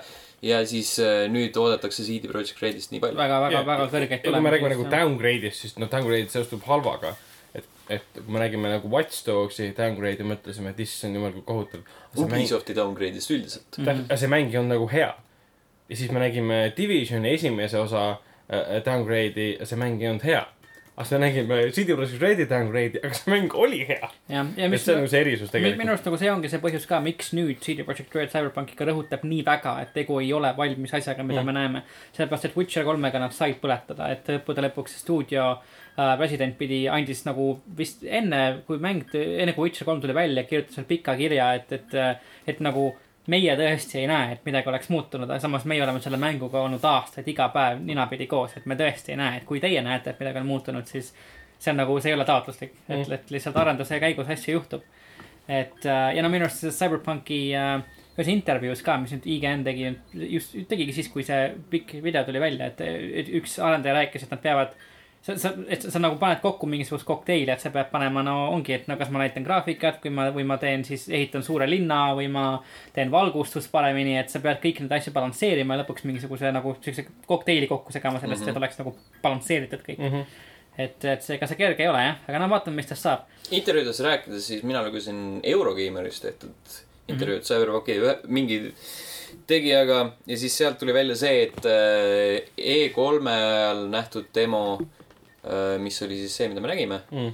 ja Gamescomi ajal nähtud tegu te,, tegu, demo lõppesid enam-vähem samasuguselt, et nagu valikud tehti erinevalt mm. -hmm. lõpus, seal, kus see gängiga tulistamiseks läks, aga nagu see lõpp-produkt ehk siis see see, see, et äh, sa hakkad neid ähm, gängi tulistama ja seal lõpus on, tuleb see boss fight, et see oli nagu sama. ja siis ta ütles, et äh, see arendaja ütles, et äh, noh, jah, et lõpp-produktis on see versioon, et sa lihtsalt lähed ja jalutad sealt minema mm -hmm. ja sa saad seda, mis sa tahad. aga et nagu arendajana on sul nii palju noh, noh, nii palju jutumärkides ehk siis vähe võimalusi, et kui sa nagu hakkad tulistama, siis seal lõpp, lõpeb selle nagu bossi kaklusega ja see on content. aga kui sa nagu ära jalutad, mis see on, et see ei ole Mhm. mm. nagu mitte midagi tegelikult. mis on nagu sihuke veits, veits nagu nõme vastus. samas ja of., no okei okay, jah, et noh, sa saad ju luua ka Mhm. nii-öelda hästi kirjutatud lugu, mis, mis nagu narratiivselt õigustab seda, miks, miks ei ole kaklust, miks ei ole võitlust selles suhtes ja Jah. see on ka nauditav Mm. et aga, aga ma saan ühest küljest temast ka aru, see, kes Eurogeimerile andis intervjuu, oli, oli äh, Philip Weber, kes käis ka meil mängutööl rääkimas paar aastat tagasi. no vahi värki. vot nii äh,, Cyberpunk tegelikult sattus veel Gamescomi avapäeval äh, ka sotsiaalmeediasse negatiivsuse laine alla, kui äh,, kui äh, mängu Twitteri lehele ilmus äh, siukene huvitav postitus, et, et Twitteris siis üks kasutaja nimega Ryan kirjutas CD Projekt Redile caps lock'is I want more guys äh,. vihjates siis sellele, et ta tahab, et CD Projekt Red äh, näitaks rohkem Cyberpunki ta tahab seda neljakümne kaheksa minutilist gameplay'd. jah, mida ta, Ryan, see on olemas, mine vaata. ja siis, ja siis uh, I want more guys tweet'i peale Ryanilt Cyberpunki jäi ametlik konto uh, vastas, et uh, did you just assume their gender uh,. mille peale kõik läksid lihtsalt lolliks um,. sellepärast, et seda tweet'i säutsu siis tõlgendati transofoobsena ja seda fraasi did you just assume my gender? uh, on tõesti uh, kasutatud siis uh, erinevates pigem siis transofoobsetes kontekstides varasemalt, kuigi minu arvates ilmselgelt ei olnud äh, siis kelle iganes äh, idee, kes sellega postitas, võib siis eesmärk Mhm. kedagi solvata. see on see teema, et vaata, esiteks äh, seda toodi erinevates foorumides ka välja, et äh, tegemist on idaeurooplastega, onju. Nad ei tea paremini, samas nad peaksid teadma paremini, sellepärast nad müüvad äh, läände enda toodet mm.. Mm -hmm. aga see selleks võib olla lihtsalt tegu inimesega, kes on nii-öelda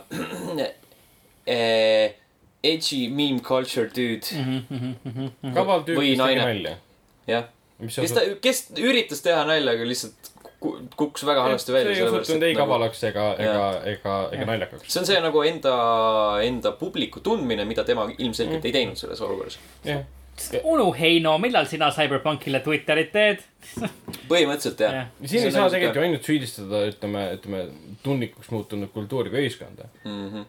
Pigem on see, et sa pead eh, tundma seda publikut, seda ühiskonda, seda kultuuri, kus sa oma mängu müüd. see asi, mis ta ütles, saab olla naljakas teatud olukordades, teatud ringkondades. kes ei olnud see olukord. aga see ei olnud see, absoluutselt see asi. jah, et isegi mina tean, et sellist nalja ei tehta. jah, see on äh, hea näide, või noh, enam-vähem hea näide äh,, väga spetsiifiline muidugi äh,, suhteliselt sel aastal vist tuli välja, ühesõnaga Youtube erid äh, Ricecam ja iDubbbz. iDubbbz tegi Ricecami kohta video äh,. Ricecam on äh, mingi sihuke noh, Jake Pauli ja sihukeste laadne Mm. et äh, mul on hästi palju raha ja blablabla bla,. Bla. ja siis äh, iDubbbz on selline tüüp, kes teeb hästi palju Youtube erid maha, kes on debiilikud Mm -hmm. ja siis äh, üks näide, mis äh, iDubbbz välja tõi, oli see, kuidas Ricecam käis Los Angelese tänavatel äh, ja siis leidis, võttis korraliku rahapataka, leidis mõni kodu, kodutu, noh, et äh, positiivne külg oli see, et ta andis selle raha kodutule. negatiivne külg oli see, et ta tegi seda nagu siukse liigutusega, et nagu äh, pillub lihtsalt äh, raha üle tema, et nagu kallab ta rahaga üle, onju. ja siis Aidaps ütles, et nagu, et ilmselgelt me saame äh, omakeskis naerda selle üle, et ha-ha-ha, ta tegi seda. Aga what the fuck, see on debiilne liigutus kui sa paned selle internetti. täpselt miljonitele sama. inimestele vaadata, jah, täpselt on, ja see täpselt sama ongi see teema selle konkreetse säutsuga. just, just, et äh, väga, väga veider jah. et minu arust ka, ma, ma ei tea, mina ei, ei tõlgenda seda Sautsu CD Projekt Redi poolt siis negatiivsena, aga samas võib-olla ma ei ole ka see sihtgrupp, kes, kes peaks seda tegema Mhm. selles suhtes, ja see et küsimus, see nali nii-öelda ise, see lause on Mhm. negatiivne. aga no ja jällegi ma teatud, nõustun- teatud kontekstis ja teatud inimeste jaoks. jah, täpselt, aga ma nõustun selle kontekstiga, et see inimene ei pruukinud seda teha, seda säutsuda teadlikult, teades, et ma nüüd teen meelega solvan ma kedagi. see olen üsna kindel, et see ei olnud niimoodi. jah, aga see polegi enam noh, oluline, sest sest massid tõlgendavad ühte asja ühtemoodi tundub nii, jah. vot nii. Game, Gamescomilt tegelikult ei olnud puudu ka Eesti mängud. oli, oli täitsa koha peal äh, ka, ka selline Maarjamaal arendatav mäng nagu Shortest Trip to Earth, mis tegelikult äh, jäi silma ka rahvusvahelisele arvutimängude väljaandele PC Gamerile, mis siis äh, pani Shortest Trip to Earthi äh, oma Gamescomi kaheksa kõige meeldejäävama ja, ja parema mm -hmm. mängu nimistusse. see on nagu Gamescomil olevatest Eesti mängudest selles suhtes edukam. küll aga see ei olnud ainuke Eesti mäng mis seal oli, sellepärast et seal oli Limestone Gamesi Aeon Must Die oli ja siis oli Skyfront Games. Skyfront Jah. Games ka just tähendab. Skyfront VR, mis Skyfront Skyfront, jah? Skyfront VR just täpselt jah Skyfront VR oli see. uh,. aga jaa, siis nagu see on juba kolm, kolm Eesti mängu oli Gamescomil. väga, väga uhke tegelikult ja, ja Shortest Tripi arendajatele ja meeskonnale kindlasti ka suured õnnesoovid, et, et PC Gamerile niimoodi silma jääda ja, ja tõesti väga suure lugejaskonna ette sattuda sellises nimistus on, on kindlasti väga, väga positiivne nii, nii arendajatele mm. kui ka mängule endale, et samas nimekirjas olid siis ka veel juba meie poolt varem äh, läbi hekseldatud Cyberpunk kaks tuhat seitsekümmend seitse, Assassin's Creed Odyssey, Battlefield viis, Hitman kaks äh, ja siis, ja siis veel kraami, et, et, et väga uhke ja hea töö. ühte, ühte artiklit ma aga lugesin, kus nagu PC Gamer küsis omaenda siis toimetajate käest, mis neile olid siis kõige meeldejäänud mängud ja üks mm -hmm. inimene tõi siis välja sellesama Shortest Tripi ja selle inimese nimi oli väga soomepärane. ehk siis see võib olla selline Soome, oi, oi, oi, oi. Soome armastus Eesti vastu kohe süüdistama. ei ta oli mingi, Riged. karhuõlu. ei ta oli mingi, ta oli mingi karvukalja. Evan või Sean Lahvandi või midagi laadset. Eva, Evan või Sean Suomalainen. Lakonda Tammista. Dijon Niinistö. oi, Blinn. ah, oh teid soomlasi, teid põlissoomlasi küll. jah, täpselt jah. Aga ei, see on väga, väga suur asi tegelikult. on küll jah, seda kindlasti, see on päris tõus jah. väga uhke. PC Gameri äh, kaheksa parima hulka sattus ka Assassin's Creed Odyssey ja siis Gamescomi raamel äh, andis, Gamescomi raames, vabandust, andis äh, intervjuu ka siis Ubisofti suur juhtliider ja jumal Yves Gilmot Mm, äh,. Yves, jah, meie kõigi, meie kõigi lemmik mm. Yves äh,, kes siis äh, selles intervjuus väitis, et, et äh, sellel aastal ilmu, ilmuv Odyssey jääb siis äh, äh, nii-öelda enne pausi viimaseks Assassin's Creed'iks ja kaks tuhat üheksateist kindlasti uut Assassin's Creed'i mängu ei tule mis on ühest küljest on õige otsus mm. -hmm. teisest küljest äh, ma saan aru küll, et äh, Odyssey ja Origins olid täpselt samal ajal arenduses, aga why the fuck ei võinud selle vahel ka olla pausi?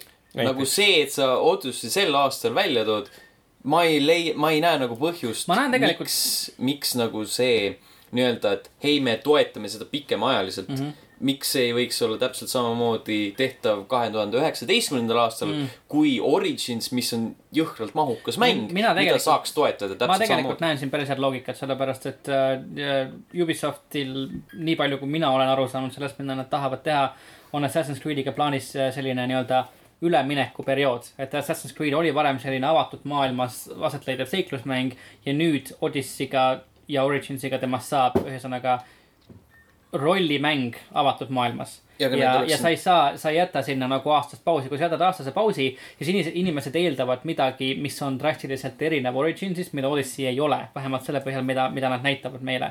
et, et Originsi ja Odyssey'ga äh, Assassin's Creed nii-öelda läheb üle uuele nii-öelda siis no, žanrile isegi peaaegu Nad kinnistavad nii-öelda oma uut äh, žanrile lähenemist. ja siis nad võtavad kui- selle pausi ja teevad selles uues žanris, mis on juba kahe mänguga kinnistatud, midagi grandioossemat kas sa arvad, et Odyssey järgmine, Odyssey'st järgmine episood on sihuke tunduvalt erinevam kui ma, Origins ma arvan, et äh, ta ehitab ennast üles sarnastele nii-öelda põhimehaanikatele nagu, mis on kinnistatud siis Originsi ja nüüd Odyssey poolt.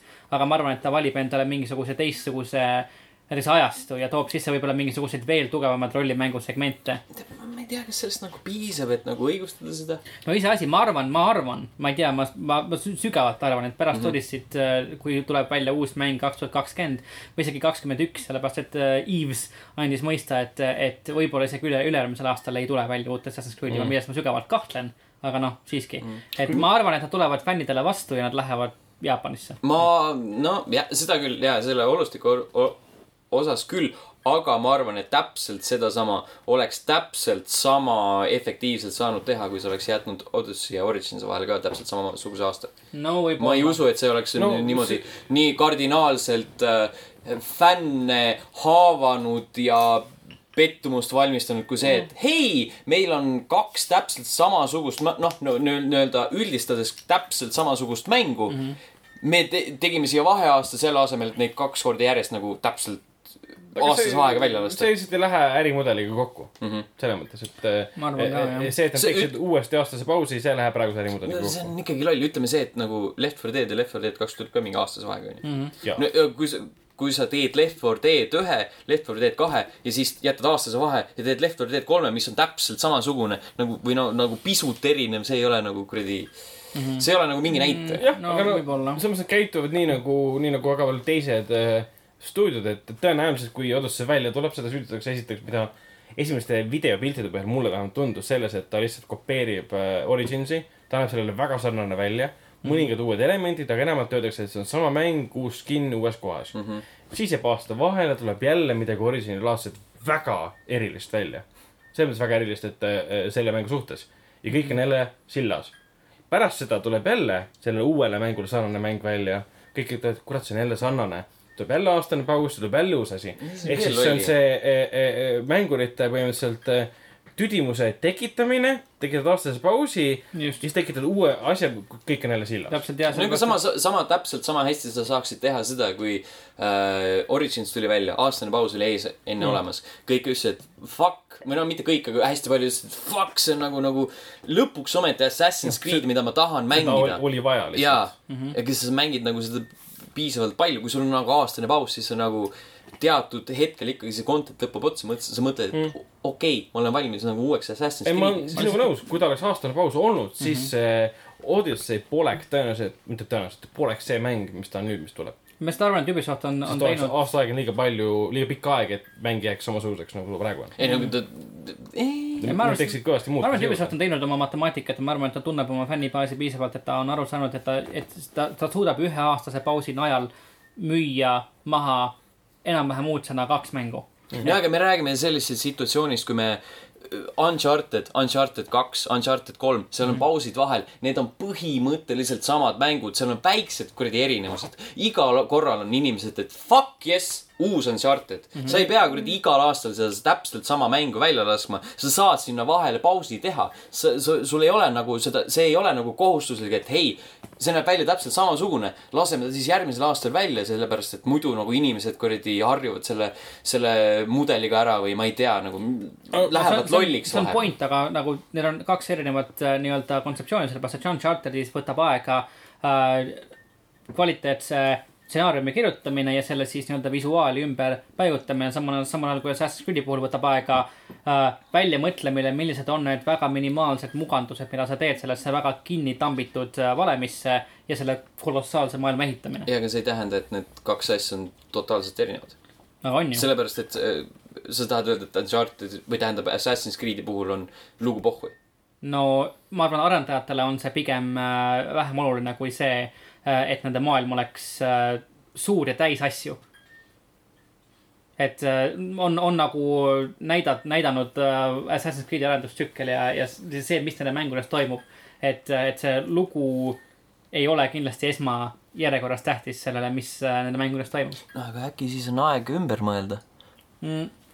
Ma arvan, et see aeg on juba, nagu see rong on juba läinud ja ma arvan, et Ubisoft mm. saab sellest aru, et nad, et see, see keskmine kontseptsioon, mis selle Assassin's Creed'i seeria ümber eksisteerib, on piisavalt nii-öelda paindlik, et mm., et sa saad seda painutada siia-sinna ja ikkagi luua mänge, mis kind of make ivad sense'i, näiteks nagu Odyssey, mis ei saaks olla Assassin's Creed'i mäng, sellepärast et Origins on, on, on see mäng, kus see assassiinide ordu luuakse ja Odyssey toimub nelisada aastat ennem Originsi. Nii et äh,, nii et juba seda valemit hakatakse painutama siia-sinna, lükkama, tõmbama ja, ja noh, vähemalt Äh, Gamescomi muljete põhjal Andri ütles mulle, et talle Odyssey väga meeldis, et, et oli, oli äge Assassin's Creed'i mäng. Äh, ja... Andrile meeldis Assassin's Creed'i film ka no. tema arvamust ei tasu usaldada Assassin's Creed'i koha pealt või? mul, minu arust see film ei olnud ka halb, mitte hea, aga halb ka mitte. no me oleme sellest nii pikalt juba rääkinud. jah, just täpselt kas ta annab või mitte. aga ei, ma arvan, et asi on reaalselt puhtalt nagu matemaatikas, et, et, et Mina aastane arvet... paus tekitab haipi, mille põhjal sa saad maha müüa hästi, väga hästi ühe mängu, hästi kaks mängu, kolm mängu tekitab väsimust, teed sinna vahele veel ühe pausi ja inimeste ootused lähevad uuesti lakke ja, ja, ja siis nii edasi. mina arvan, et see on hästi loll matemaatika Ubisofti poolt mm,. no võib-olla, elame-näeme, ma arvan, et, et kui see aastane paus saab läbi ja tuleb välja see Odyssey järgne Assassin's Creed, siis vaatame, kuidas see reaktsioon sellele on mm. aga seda müüb pigem see et nüüd, kui, kui me võtame, et äh, see on Jaapanis nii-öelda noh, teoreetiliselt mm -hmm. nagu minu jaoks müüks paha, maha pigem see, mis see kuradi olustik on, kui see on Jaapanis. ja just täpselt. aga just. mind, äh, kui see oleks olnud näiteks täpselt äh,, kui see oleks äh, mingi muu olustik mingite muude mehaanikatega, lihtsalt see ei müüks mind maha.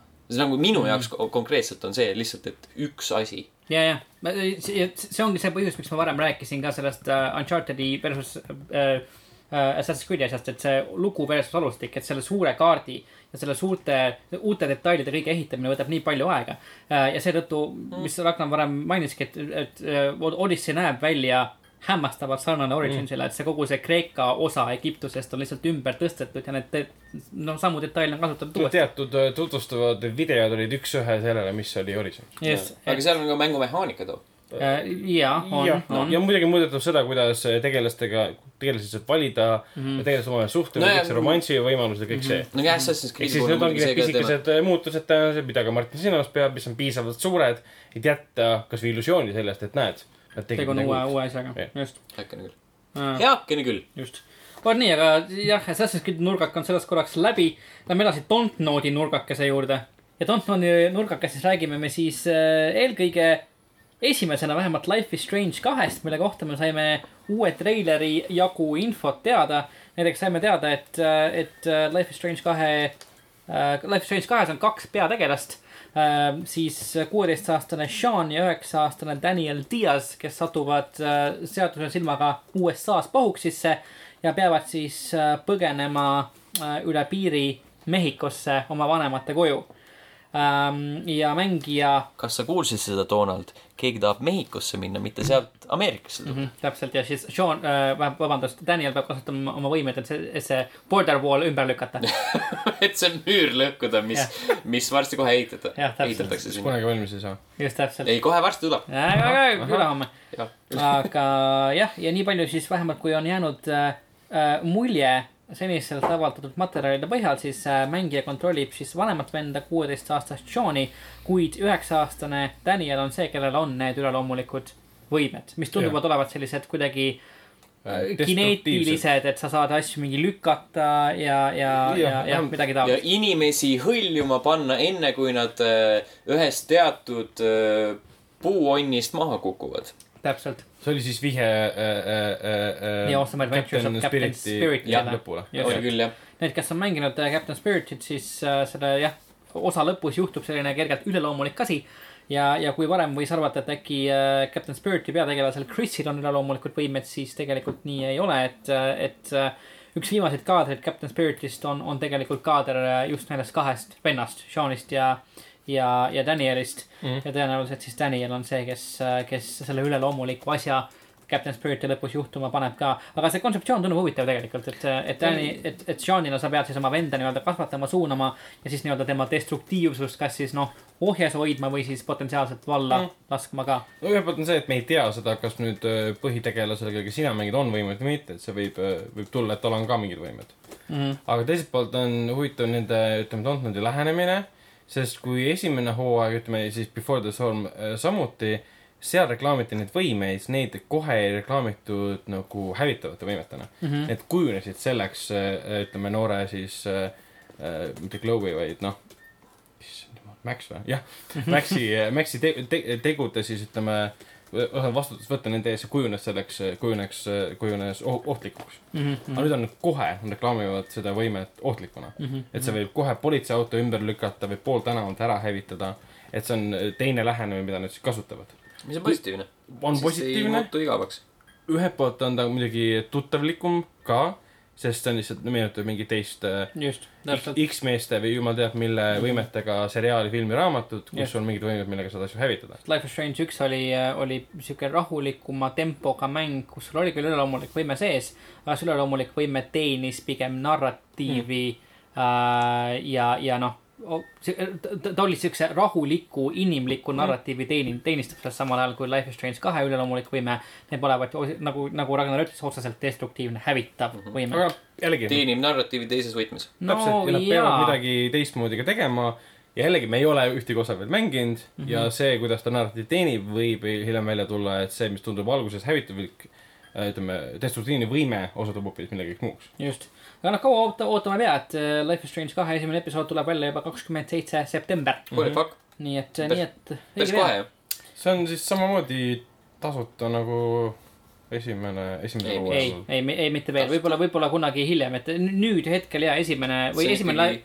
episoodiline. just, et Life is Strange'i esimene episood on olnud tasuta, aga see, see tuli ikkagi see juhtus pärast, üsna pikka aega pärast seda mm -hmm., kui see tuli okay, välja. okei, siis ma olen sellest segamini, ja, ja, ja. Captain äh, Spirit oli tasuta. oli tasuta, just täpselt. mis oli nagu nii-öelda demo jutumärkides äh, teise hooaja jaoks mm. -hmm. et mille, mille. fännid saaksid oma, oma isu täita nii kaua. just aga Dontnodil tegelikult oli päris siukene aktiivne Gamescom, et Life is Strange kaks ei olnud ainukene mäng, millega nad äh, sinna uhkustama tulid äh,, vaid ka juba E3-l äh, diiserdatud Twin Mirror oli kohal äh, Äh, mis on siis Dontnodi uus, Dontnodi ja Bandai Namco ühistöös tegelikult valmiv uus selline Twin Peaksilik äh, psühholoogiline triller mm, -hmm. kus sa mängid härrasmehega, härrasmehena nimega Sam, kes siis vähemalt Gamescomi demos ärkab üles hotellis, ta ei mäleta, mis eelmisel ööl juhtus, tal on vannitoas verine särk ja siis sa pead panema kokku pildi sellest, mis eelmisel õhtul juhtus ja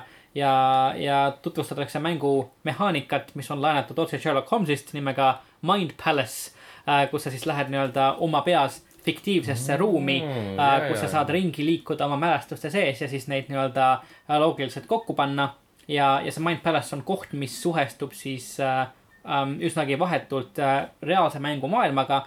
nupuvajutusega sa saad minna siis Mind Palace'i äh,, Mind Palace'ist tagasi sinna hotellituppa vaadata seal ringi, uurida objekte, uurida asitõendeid, neid nii-öelda siis jutumärkides üles laadida Mind Palace'isse, kus sa siis saad kokku panna tervikliku pildi sellest, mis lõpuks äh, juhtus ah,. ja sul on siis uh, Mind Palace'is eksisteerib veel sinu enda sarkastiline alter ego nimega Double ka kes sinuga siis, ma ei tea, möliseb ja sind kuidagimoodi aitab tõenäoliselt. vot nii. see on lugu nagu, nagu näiliselt kahestunud isiksusest, kellel on erilised võimed. mis küll, jah. ühes külas kus on midagi kahtlast toimumas. ma ei, ma, ma ei ole üldse kindel, kas selles mängus on olemas midagi üleloomulikku või see Mind Palace ongi reaalselt selline nagu otse, otse nagu Sherlock Holmeselik mm., lihtsalt siukene kognitiivne meetod, et asju meelde jätta ja paremini mäletada. et, äh, et, et ma pole kindel, aga noh, kui noh, ta võtab väga, väga tugevat šnitti siuksest nagu no, salatoimikute ja, ja Twin Peaksi laadsest äh, stsenaariumist mulle tundub no, vähemalt. ka noh kõik, mis on sarnased mängud ka, Alan Wake Alan näiteks, et läheb näiteks, jah. kuskile külla, midagi hakkab juhtuma mm. -hmm. pluss muidugi mäng ise äh, on oluliselt nagu realistlikumas võtmes loodud, kui ütleme Life is Strange mm. -hmm. veits meenutab no, isegi. hetkel see näib nii vähemalt. jah, täpselt jah. ja meenutab e-, esimese, ütleme, realistlikuid siis Quantic Dream'i mänge veits ka Mm -hmm. selle jutu valguses peaks Alan Wake'i lisaepisoodid läbi tegema. peaks Alan Wake'i läbi tegema, see on pooleli ikka. lisaepisoodid. jaa, need oli kaks DLC-d oli seal. American Dream ja midagi veel, ja midagi veel. jah uh,. Undead Nightmares. kuus episoodi oli täismängul ja siis sinna tuli veel kaks juurde. aga Undead Nightmares oli ju lisamäng. Red Dead Redemptionil. nendel? American Nightmare oli veel eraldi sellest, aga Jaa. enne seda oli kaks või? DLC episoodi. aa, need on mul mängimata Mhm. siis, ai, ai, ai, ai. The Lost Morsel ja Overcooked, god damn it Lost Morsel. kohe vaatame. Two special feature episodes, The Signal and The Writer. ahah, okei. no selge uh,. ja Dontnodi uudistest veel uh, tuli välja selline mäng nagu Dontnodi Vampir mõnda aega tagasi, mis mulle tegelikult täitsa peale läks. ja tuleb välja, et Dontnodi Vampir uh, jõuab varsti uh, telekasse, tehakse temast teleseriaal. ja, ja saate siis hakata Jonathan Reedi uh, seiklustele kaasa, kaasa elama ka teleekraani vahendusel mis mul minu arust on tegelikult päris äge, et see, see kontseptsioon laenab ennast äh, telesse päris, päris hästi. jah, nõus, sest ta, ta on piisavalt, piisavalt unikaalne Uni,. mitte unikaalne, võib-olla see kimbatus on piisavalt omapärane mm. -hmm. Et ta on ise arst, kes tahab päästa, aga samal ajal vampiir üritab leida põhjuseid mm, -hmm. peab inimesi tapma selleks ja nii edasi et episoodilise, episoodilise seriaalina ta töötaks küll. jah, just, et äh, ongi sul igas episoodis on mingisugune uus, ma ei tea, tegelane, kes on siis selle, selle nii-öelda kiimbatuse keskmes, et mm. kas ma, kas ma tapan ta ära, kas ma ei tee seda ja, ja nii edasi ja nii ja edasi. kõik, iga episood kannab mingit suurema, suurema eesmärgi siis äh, väikseid äh, osiseid endas. just, just, et, et tundub päris huvitav, et vampiir mulle mänguna täitsa meeldis ja ma arvan, et see, see seriaal võib ka päris, päris äge tulla. Dontnodist on samas juba, ma ei tea, ülimalt suur ettevõte. jah, jah, et Uh, uus Telltale. hei, meil on hästi palju frantsiise korraga töös. ei no. Aga me- lihtsalt need on originaalsed, mitte mingi litsentsi puhul põhinevad. no Deltailist erine-, eristab ja kõik pole sama et mootoriga tehtud ja et kõik on on, väga et erinevad. nad on kõik, kõik nende mängud on väga eripalgelised, nad teevad väga erinevaid jah, teoseid. praeguse tempoga ma üldse ei imesta, kui järgmine projekt pärast Twin Mirrorit on mingisugune first person. MGS kuus, täpselt. jah, Tere. okei, okei, tere tulemast. keegi läks uks taga, uks taga, tere meile. Mm. no vot äh,, äkki on äh, Deltali järgmine, vabandust äh,, Dontnodi järgmine projekt äh, Hitman äh,, võib-olla mitte, aga tõenäoliselt mitte, sada protsenti mitte. Üheksakümmend üheksa protsenti mitte tähendab. täpselt see üks protsent too, see üks protsent. ja kunagi ei tohi sada protsenti minna. Hitman kolmes äh, saaks ajas tagasi minna, oleks päris tore. ei, sa oleks saanud seda eh, siduda sellega, et hei, Dontnodi üks teostest oli episoodiline, mida on, mida oli ka Hitmani esimene hooaeg. äkki Hitman kolmes sa pead äh,, su üks target on äh, Jonathan Reed, kes on vampiir ja sa pead ta kuidagi nagu nii-öelda siis äh, ära tapma niimoodi, et nagu, nagu vampiir ikka tapetakse mingi küüslaugu ja, ja vaiaga ja, ja ristiga ja mida iganes. no vai ja küüslauk ei, rist ei, need on peletamiseks pigem. noh, vabandust. pea otsast ära on kõik. ühesõnaga, millest me tahame rääkida, on see, et, et, et äh, esimese Hitmani kaardid äh, jõuavad ka Hitman kahte. Et äh, nad on saanud siis uue nii-öelda visuaalse ilme ja neil on uusi challenge eid ja, ja uusi asju, mida neist teha ka mm. -hmm. et ei ole ainult äh, levelite ümbertõstmine ühest mängust teise, vaid sa saad seal tõesti teha uusi asju Hitman kahele omaste uute mängumehaanikate, relvade ja, ja kõige, kõige, kõige muuga. mis on väga äge tegelikult, et Hitmani ühe kaardid Jah. on, on, on väga huvitavad. Need jõuavad sinna siis DLC-na, mis on esimese hooaja omanikele tasuta mm. -hmm. ehk siis, kui sa, kui sul on esimene hooaeg olemas nagu mul, siis äh, Hitman kahes sa saad need lihtsalt niisama alla laadida. ilma lisatasuta. mul on ka olemas, nii et ma olen õnnelik. jah. palju No sa mänginud oled? Mitte läbi. Neid mul on, kuus fucking taset. okei okay,, tegelikult on üheksa kokku. kusjuures mul ka ja ma ostsin Hitmani esimest korda Playstation nelja peal. kui ma ostsin Xbox, Xbox One X-ist oli äh, see kogu hooaeg oli alla, oli alla hinnatud, ma tabel tippisin. mul ikka see läbi mäng söötas. pluss nad on Gamepassis praegu. ja, ja, ja täpselt just jah, täpselt, täpselt, no igal pool jah, Need on igal pool. just, just. mis pole mitte kuskil, on. mina ka double tippinud, mul on äh, Hitman PC peal. mm,. plaadina. no vot, Steelbookina. Stellebok. Stelebok. sellegipoolest, mis pole isegi kuskil Steelbookina, on äh, Shenmue kolm, mis äh, tuleb välja tõenäoliselt kunagi. ta just lükati uuesti edasi ja, sai siis uueks väljalaske kuupäevaks kahekümne seitsmes august kaks tuhat üheksateist. kes oleks osanud arvata, et see ei ilmu sel aastal. jah, just. milline üllatus see. puine näomehaanika saab hakata meid üllatama järgmisel aastal. vaatasin seda Shenmue ühe intro video, mis nagu noh, siis kui sa vajutad starti, siis hakkab video käima Mm -hmm. ja siis seal on see neiu, ma ei tea, mis ta nimi on, see on, kes on siin Shenmue kolme selles, selle video äh, thumbnailis ka ja siis ta lihtsalt äh, keerab pead nagu kunagi, vaata see Youtube'i, Youtube'i hitt oli see, mis ta oli, vöötorav, kes pead keeras kiirelt. aa, ja, ja, ja. aa, keerab see täpselt samamoodi, Dramatic äh, Chipmunk või? Või midagi siukest. Täpselt samamoodi keerab seal, ütleb mingi lause, siis keerab nagu vaataja poole, what? nojah, no selge, aga, see meem oli toona väga populaarne, nii et üldse ei ma arvan, imesta. et see oli enne meemi. aga siis vähemalt Stenil on piisavalt aega, et äh. Shenmue üks ja kaks läbi mängida, et äh, Need Jaapani Chipmunkidest oluliselt dramaatilisemad. jah Mm,, Shenmue kolme arvestades kindlasti võt-, võttes arvesse, et, et, et on vaja kõiki teisi mänge mängida, siis võib-olla mitte nii väga. mm, nojah, tõsi. Mida veel uh,, siis uh, H1C1 on, on jõudnud uudistesse sellega, et, et tema survival osa pannakse kinni. kas te mäletate, kui äh, H1Z1 oli DayZ-laadne zombide maailmas aset leidev ellujäämismäng? hei, ja kas te mäletate, kui äh, ta oli, mis see on, H1Z1 King of the Kill oli mm -hmm. kõige populaarsem asi, ehk siis praegune Battle Royale žanr, mis äh, valutab masse, mille tõttu otsustati see ellujäämisosa äh, Just Survive nimeliseks, nimeliseks muuta ja see eraldi lüüa äh,. seda enam varsti ei eksisteeri. miks kes oleks osanud arvata, et äh, ellujäämine ei ole nii huvitav kui Battle Royale? jah, ma tahan ellu jääda mm, -hmm. aga mitte mängus hmm.. ma lihtsalt pigem päriselus. Also, also meenutame seda, kui H1Z1 kuulutati välja Playstation neljale ja ta si- jõudis sinna tänavu. Mm -hmm.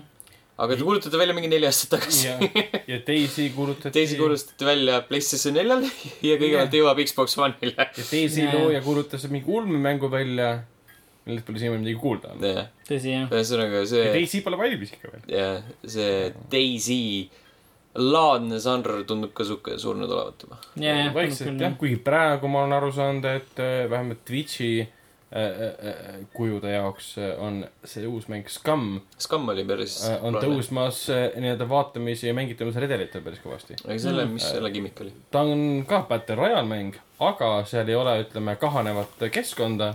sa pead kuskile keskele täpselt minema ja seal on väga palju, ütleme, survival simidele omaseid elemente. aa, Ah, aga ta on Battle Royale mäng. jah, ta on selles žanris, aga ta teeb veits asju teistmoodi mm. -hmm. et ikkagi survival äh, teemad on rohkem sees. Battle Royale'ist rääkides, siis äh, Gamescomilt jälle jäi meelde äh, uus Dying Light äh,. Dying Light vist oli, oli, oli ta kaks või mingi muu asi, on ainult Bad, Bad Blood. Bad Blood äh,, mis tuleb ju ka mitmikmänguga ja tuleb ka oma versiooniga mm. -hmm. äh, Battle Royale'ist. Ja minu arust see Battle Royale'i mood näeb tegelikult päris, vähemalt kõlab päris ägedalt, et sul ei ole üldse suur hulk mängijad, sul on kaksteist mängijat äh,. ja, ja su eesmärk, eesmärk ei ole otseselt viimasena nagu ellu jääda, kõiki teisi ära tappa äh,. sul on kaardi peal ka hunnik äh, NPC zombisid, kes sind ründavad ja sinu ülesanne mängijana on siis koguda blood sample eid äh,, mida sa saad koguda siis teatud kohtadelt kaardilt või siis teistelt mängijatelt. Et neid blood sample eid saada, sa pead teised mängijad ära tapma ja mingi aja pärast, kui ka, kas siis mingi aja möödudes või kui kellelgi on piisavalt blood sample eid, tuleb kaardile helikopter, mis siis äh, ühe mängija ära ekstraktib Äh, ja mis siis äh, muidugi, kui helikopter tuleb, siis kõik mängijad, kes on ellu jäänud, lähevad sinna ühte kohta kokku ja seal siis hakkab mingi madin pihta ja, ja mm., ja värki. minu arust see kontseptsioon nagu Dying Light'ile sobib päris hästi, et see on, on päris, päris äge. ja see on nagu üks Battle Royale'i mängulaad, mida ma hea meelega ise prooviks ja mängiks ka.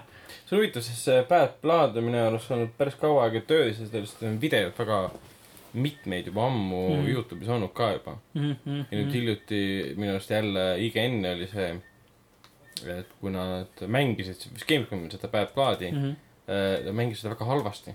Mm -hmm. mäng ise on nagu hea, aga see IGN-i mäng oli väga halb. no vot, tuletas meelde seda klassikalist, klassikalist äh, Polygoni äh, Doom'i äh, mängijat ja, ja, kui okei no kui me juba väga halbadest asjadest räägime, siis lõpetame uudisterubriigi äh, septembri Games with Goldi nimistuga jah. mis, mis paraku ei, ei, jah, ei sära just väga-väga palju, et äh, septembris siis Games with Goldi teenuse eest tasujad saavad äh, nii-öelda tasuta alla laadida Xbox One'i peal Prison Architect'i äh, ja Live Locki äh, ning siis Xbox kolmsada kuuskümmend ja muidugi siis ka noh, tagasi ühilduvus Xbox One'i peal on Lego Star Wars kolm The Clone Wars ja Sega Vintage Collection Monster World Hmm. mis kõik on üsnagi eh, jah, noh, see sel kuul on meil olnud Forza Horizon kaks ja, ja For Honor ja võrreldes uh, augustiga september on ikkagi üsna sihuke nõrguke, ma ütleks. mis sa teed? ütleme nii, et äh, äh, mängiks neist Prison Architectis mm. -hmm. see live, live log tundub jumala lambine asi. ja tundub küll, et uh, Prisoner, jah, see Archi- Architect on tõesti ainuke asi, mida neist mängiks, aga mm. -hmm. aga muid, muid. aga mis sa? teed äh, selles mõttes, nagu me, mina olen alati öelnud, siis äh, tasuta mängud äh, nii Games with Goldi kui PS plussi puhul on ainult boonuseks mm.. Siis sa maksad ikkagi selle eest, et saad internetis mängida. just, just vot nii, aga sellega on meie uudiste rubriik selleks korraks läbi ka. just, just, fuck nii.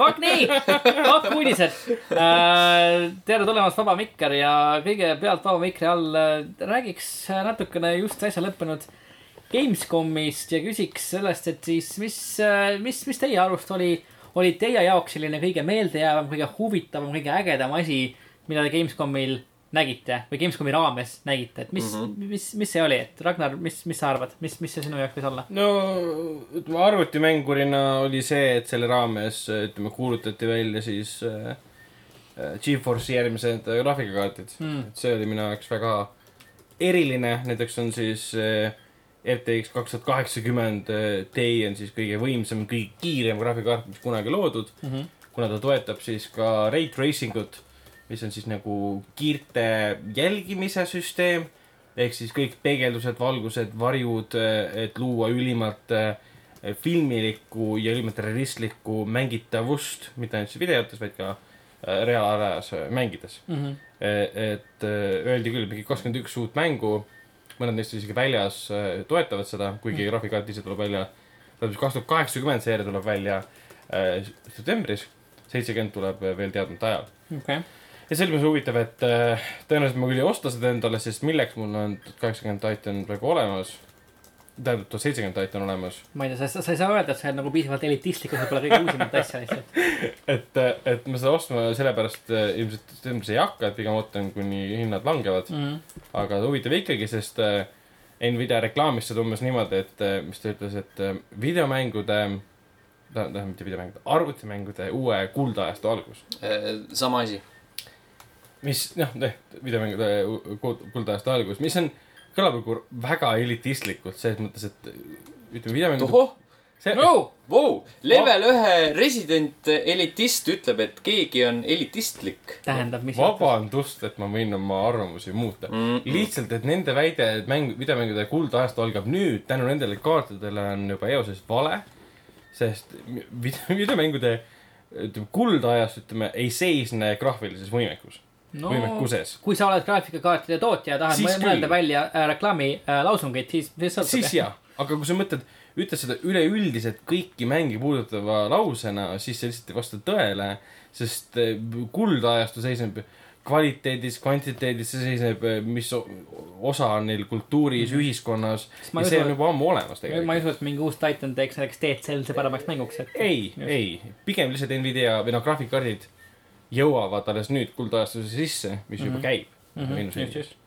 aga teistest mängudest, ütleme, mitte teistest mängudest, üks mäng, mis mulle väga silma paistis muidugi peale Cyberpunki, aga kuna selle gameplay tuli hiljem välja, siis ma ikkagi ütlen Metro Exodus, mm,. mis näeb jätkuvalt vapustav, lihtsalt vapustav välja näeb tõesti väga hea ja välja. seda sai, seda sai ka Lauri mängida mm, äh, Gamescomil ja talle olevat ka väga meeldinud mm -hmm. ja, ja esimesed Gamescomi treilerid ja gameplay, mida nad näitasid ka, olid väga sellised õudust äratavad ja väga äh, tuttav, tuttavad selles mõttes yeah., heas mõttes tuttavad yeah.. et nii nagu oli Last Light om- omal ajal, siis nüüd äh, ta on küll suuremaks läinud, aga ta pole mitte kuidagi, vähemalt tundub, minetanud seda, mis tegi atmosfääris pole järele antud väga jah. absoluutselt ei. seda küll.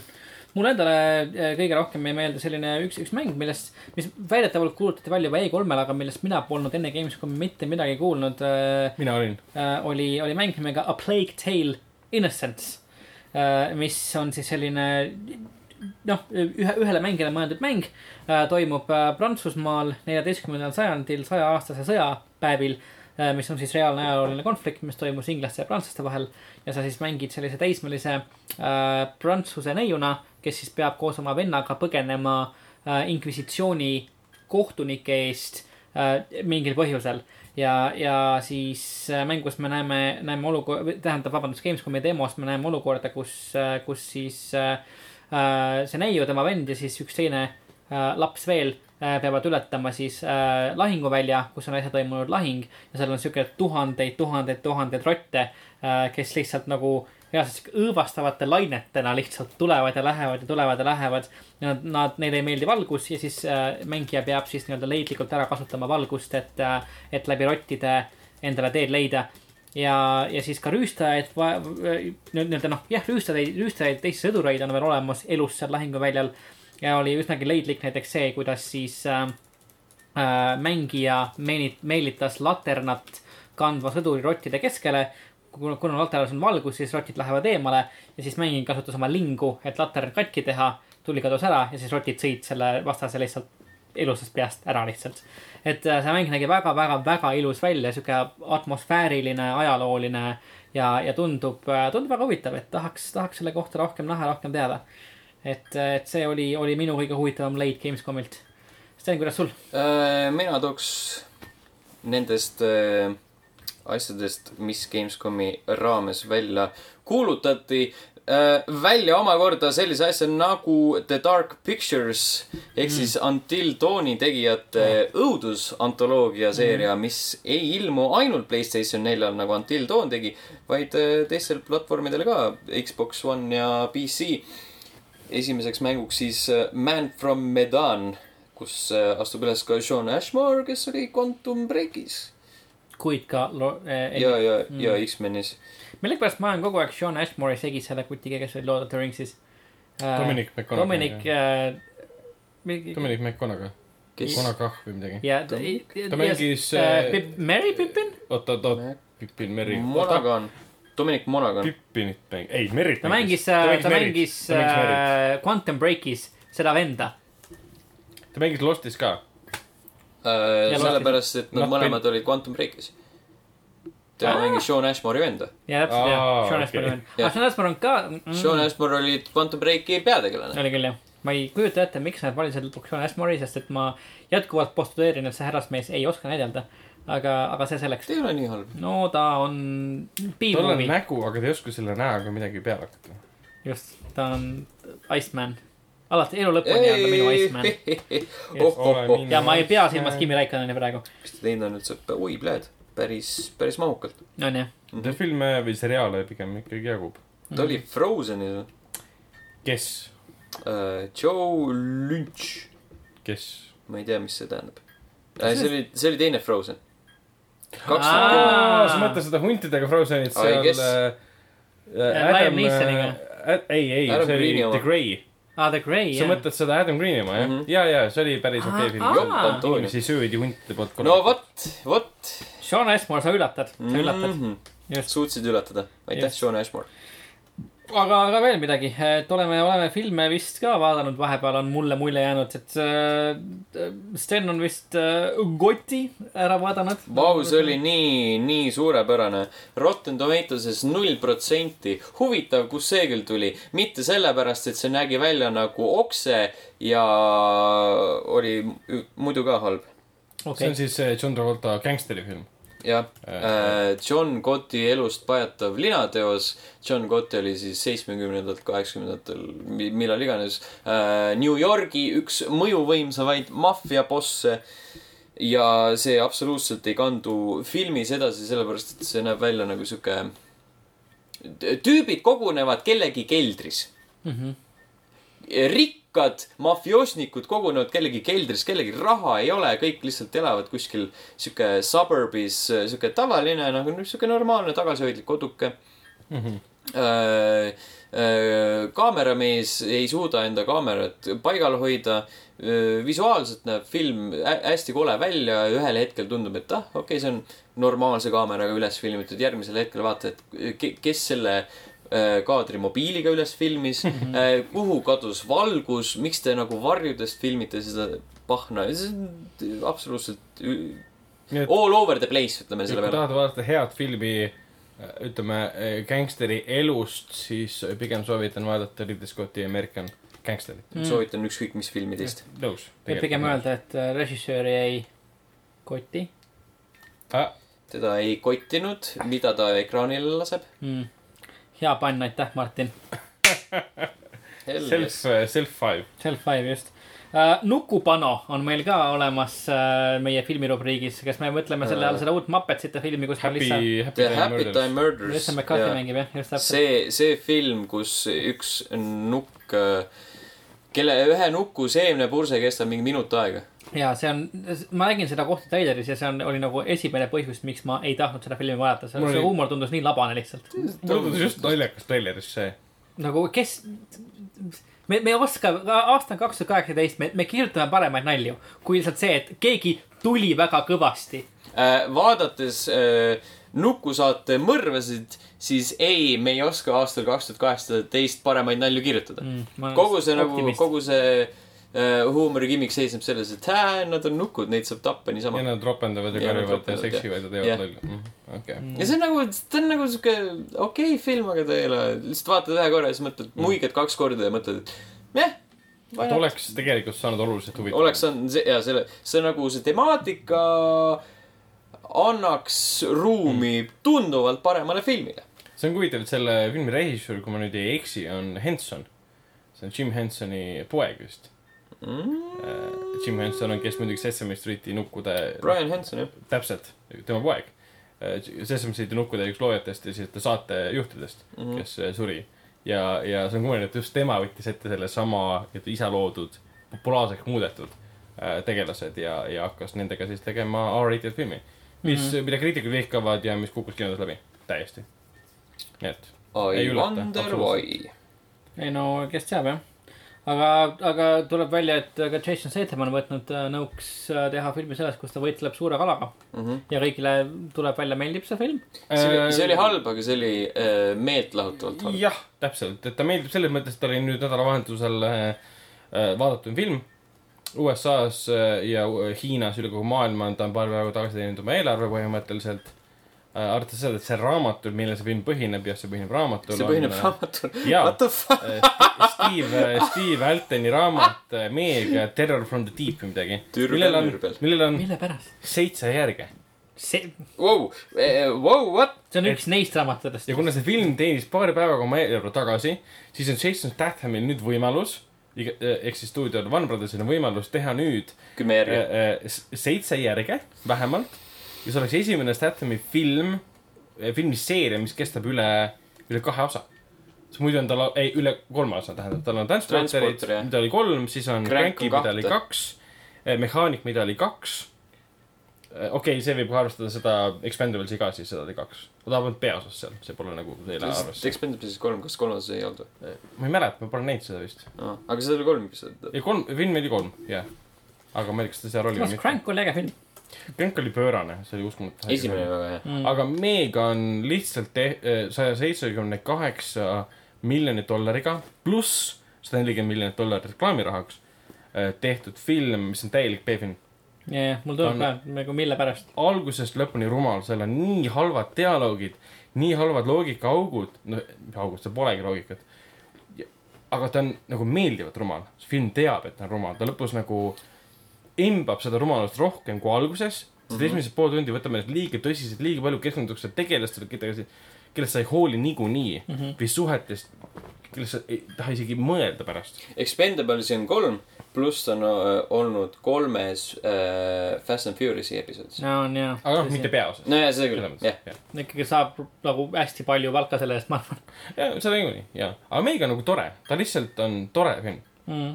Et seal loll, on, aga tore. see on, see on nii loll film, et aga samas John Turteltaub, kes on selle režissöör, kes tegi siis need The National Treasure'i filmid mm. Mm -hmm. äh, isegi ühel hetkel on sinna sisse pannud mu hetke, mis sa saad aru, mis film see tegelikult on, kus ähm, äh, just hai on ühe laeva nagu ümber löönud, siis on inimesed surma saanud ja sa hakkad, mina hakkasin just kinos mõtlema, oota, kes nüüd surma said, sest noh, mind tegelased väga ei huvita, sest nad on mõttetud.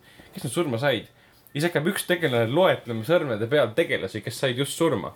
nagu vaataja jaoks, et oh, tuletab mulle meelde, siis ma olin, aa, see on selline film. täpselt, et Aitäh, sulle tegelikult. siis mind nii vähe huvitab, mis ekraanil toimub, välja arvatud see, et kui ma ei tea, Statham ratsutab haiga, kes on peaaegu kolmkümmend meetrit pikk ja seal on mõned twistid sees, mida ma, mis olid üllatavad tegelikult isegi äh,.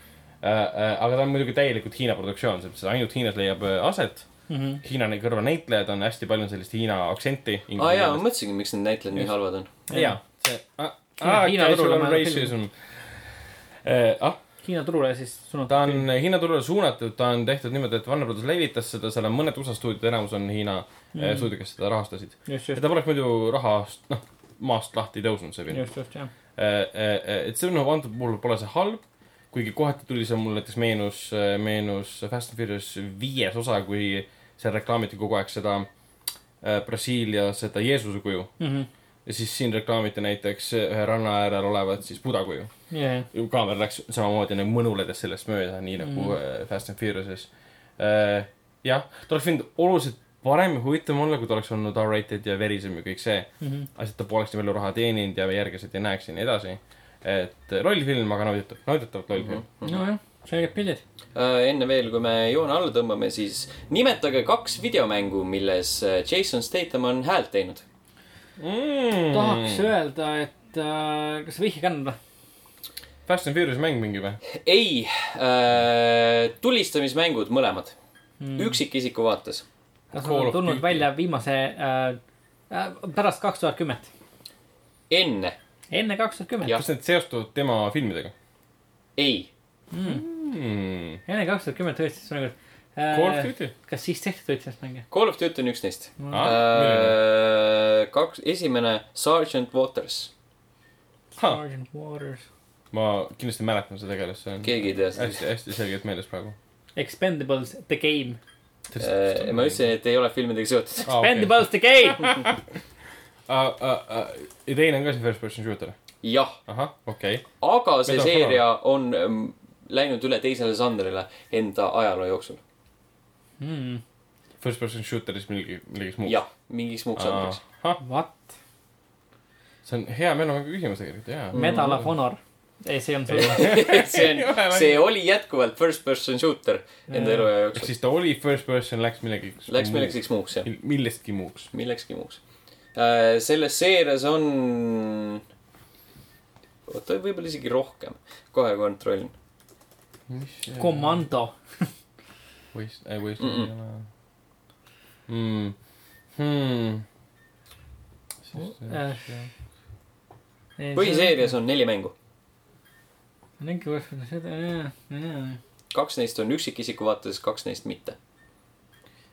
Ja me teame neid.. peaks teadma. okei okay,, pole nagu niivõrd tundmatud siis. Need on, üks nendest on olnud viimasel ajal nii-öelda teemas. Seoses millega? viimasel ajal teemas. viimasel ajal, sel aastal. kas ta on teemas sellepärast, et uus osa on uuesti FPS või? või, või ta jätkab selles samas žanris, millega ta kunagi üle läks? ma ei ütle seda. ahah. sellest oli palju kasu päris küsimus. um. miks? aa, okei, kui sa niimoodi sõnastad, siis võib-olla tõesti ütlen. ei, mul ei, ei, ei, ei taha pähe tulla tegelikult üldse. Ei tea jah, mis, miks mängud vahetavad isikuvaateid? mulle ei meeldi see, ma olen skeptiline. Äh, oota, Crash Bandicoot, kus me ütleme Crash Bandicoot First. Äh, see mänguseeria kerkis äh, tagasi äh, nii-öelda tseenile selle aasta juulikuus. Operation Flashpoint. ma ütlesin, et see Operation Flashpoint peaks olema jätkuvalt üksikisiku vaates. ja üsna surnud um,. The Culling. Vau, see on hea pakkumine, aga ei, sellest ei ole tehtud Täpselt, või tema ei- ei ole olnud seal häält Mu- tegija mu-. seal ei tohikski olla mingit voice acting'it peale selle announceri. Friday the thirteenth. Friday the thirteenth, ei. kas see oli eelmisel aastal? ma ei tea, võib-olla. Ma olen närvis. juulis, juulis. Juulis. see oli juulis. kas me mängisime seda või? ma ei tea ausalt öelda, ma ei mäleta. kas me rääkisime sellest podcast'is? ma ei mäleta. me oleme rääkinud sellest küll, ühel või teisel põhjusel. kas nagu positiivses võtmes, et see on hea ma ei mäleta, kas see on nagu, nagu, kas me oleme mänginud sellest. või tähendab, mänginud seda ja, ja siis rääkinud sellest. rääkinud, okei Et, okay., rääkinud äh, sellest, et ma olen seda mänginud. jah, selles võtmes just. hei, Fred, ei, jätkuvalt mitte sel aastal juulikuus hei, Fred. mm,. on see mingi fantaasiamäng või? ei saa olla. sest ta ei, defineerib selles fantaasia. mõttes, et kui sa ütled first person shooter, siis ta on nagu päriselt relvaga tulistamine või? kas seal on ei, ma, ma ütlesin see FPS vaates. FS vaates jah, täpselt, et see ei pruugi olla siis Call of Duty laadne Warhammer, tulistamismäng. ta on tulistamismäng. Äkki on Warhammer või? ei, see ei ole Warhammer, what? Warhammer? ei, mitte Warhammer, vaid see Vermintide ja kõik need ei, ei, see ei ole selles suhtes fantaasia. ta on ulme. Halo, ei, ei, ei, pigem lihtsalt, Eeldust pole seal, okei, on küll tegelikult olnud, see on nii muutunud, jah. seal on ja, ja see on RTS oli seal. Destiny, absoluutselt mitte. kas ta oli olulisel kohal hääle, häälnäitleja seal? ma ei usu, et seda fi- mängu ei reklaamitud tema ma ei, ma kahtlen selles, osaluse tõttu. ma väga Ahah. kahtlen selles. Alien.. ahah, äkki mingi tulnuka? ei saa olla. äh,. ei X-kom, mm,, ei saa olla. Ei. see ei ole ju, ei, never mind, X-kom oli third person kind of jaa Jah., jaa, Declassified oli mm.. aga see oli ammu-ammu. mm. -hmm. see oli fail ka um,. Ma ei tea, ma tõesti, ma tõesti ei tea. Red Faction Guerrilla, Red Faction kaks, Mandrill Strike oli ta seal. mm.. okei. aga Red Faction Guerrilla oli jah see mäng, mis oli vihjeks. ehk siis remastered. no minu jaoks see vihje ei olnud, sest ma ei ole neid kunagi mänginud, neid esimesi enne seda äh, teisi. võit maitseb magusalt, meil oleks praegu olnud gematurniir, siis sina oleksid saanud punkti. jah, õige. no vot. enne, Thanks, Tom, et sa ei tulnud kohale. nüüd veel- pidime lihtsalt on the fly mõtlema välja kaks küsimust. tõsi, aga enne veel, kui me lõpetame, siis äh, mis hüppas minu newsfeed'i Facebookis on see, et varsti jõuab Switch'ile siukene mäng nagu äh, Jerk Goose Simulator äh,, kus sa mängid äh, tropihannena. ja Ähm. varastad inimeste asju ja jooksed ringi ja oled lihtsalt tropphanni. aga kui sa nagu paned selle mm, nii, teise võtmesse selle sama fraasi, Mhm. või? Jerkus, siis me saame siis me saame midagi ab- absoluutselt teistsugust. isiklikku. väga, midagi väga isiklikku. kuus, kui sa kuuled, siis see mäng on sinust. tervitame Margus siiapoole, äkki see mängib midagi taolist, nagu oli see Goat Simulator. võib-olla tõesti ei, see on siukene värviline joonistatud graafikaga, kus sa jooksed ringi, varastad farmeri võileiva ära, et ta teeks aia lahti, tuleksid tagajaama, et sa tahaks aia, aeda sisse minna ja aia, kinni panna Hmm. type of thing. tahaks ka aeda minna. okei. Ja sa oled drop honey ja kes, olgem ausad, ei tahaks olla meist. ei, Haned on tropid, see on ju maamu selge. Just. Drop honey, Sun honey. Honey kune ka. Honey on home. honey Just. uh,. vot, selline oli episood sada seitsekümmend seitse. kohtume teiega juba järgmisel nädalal. tšau. tšau.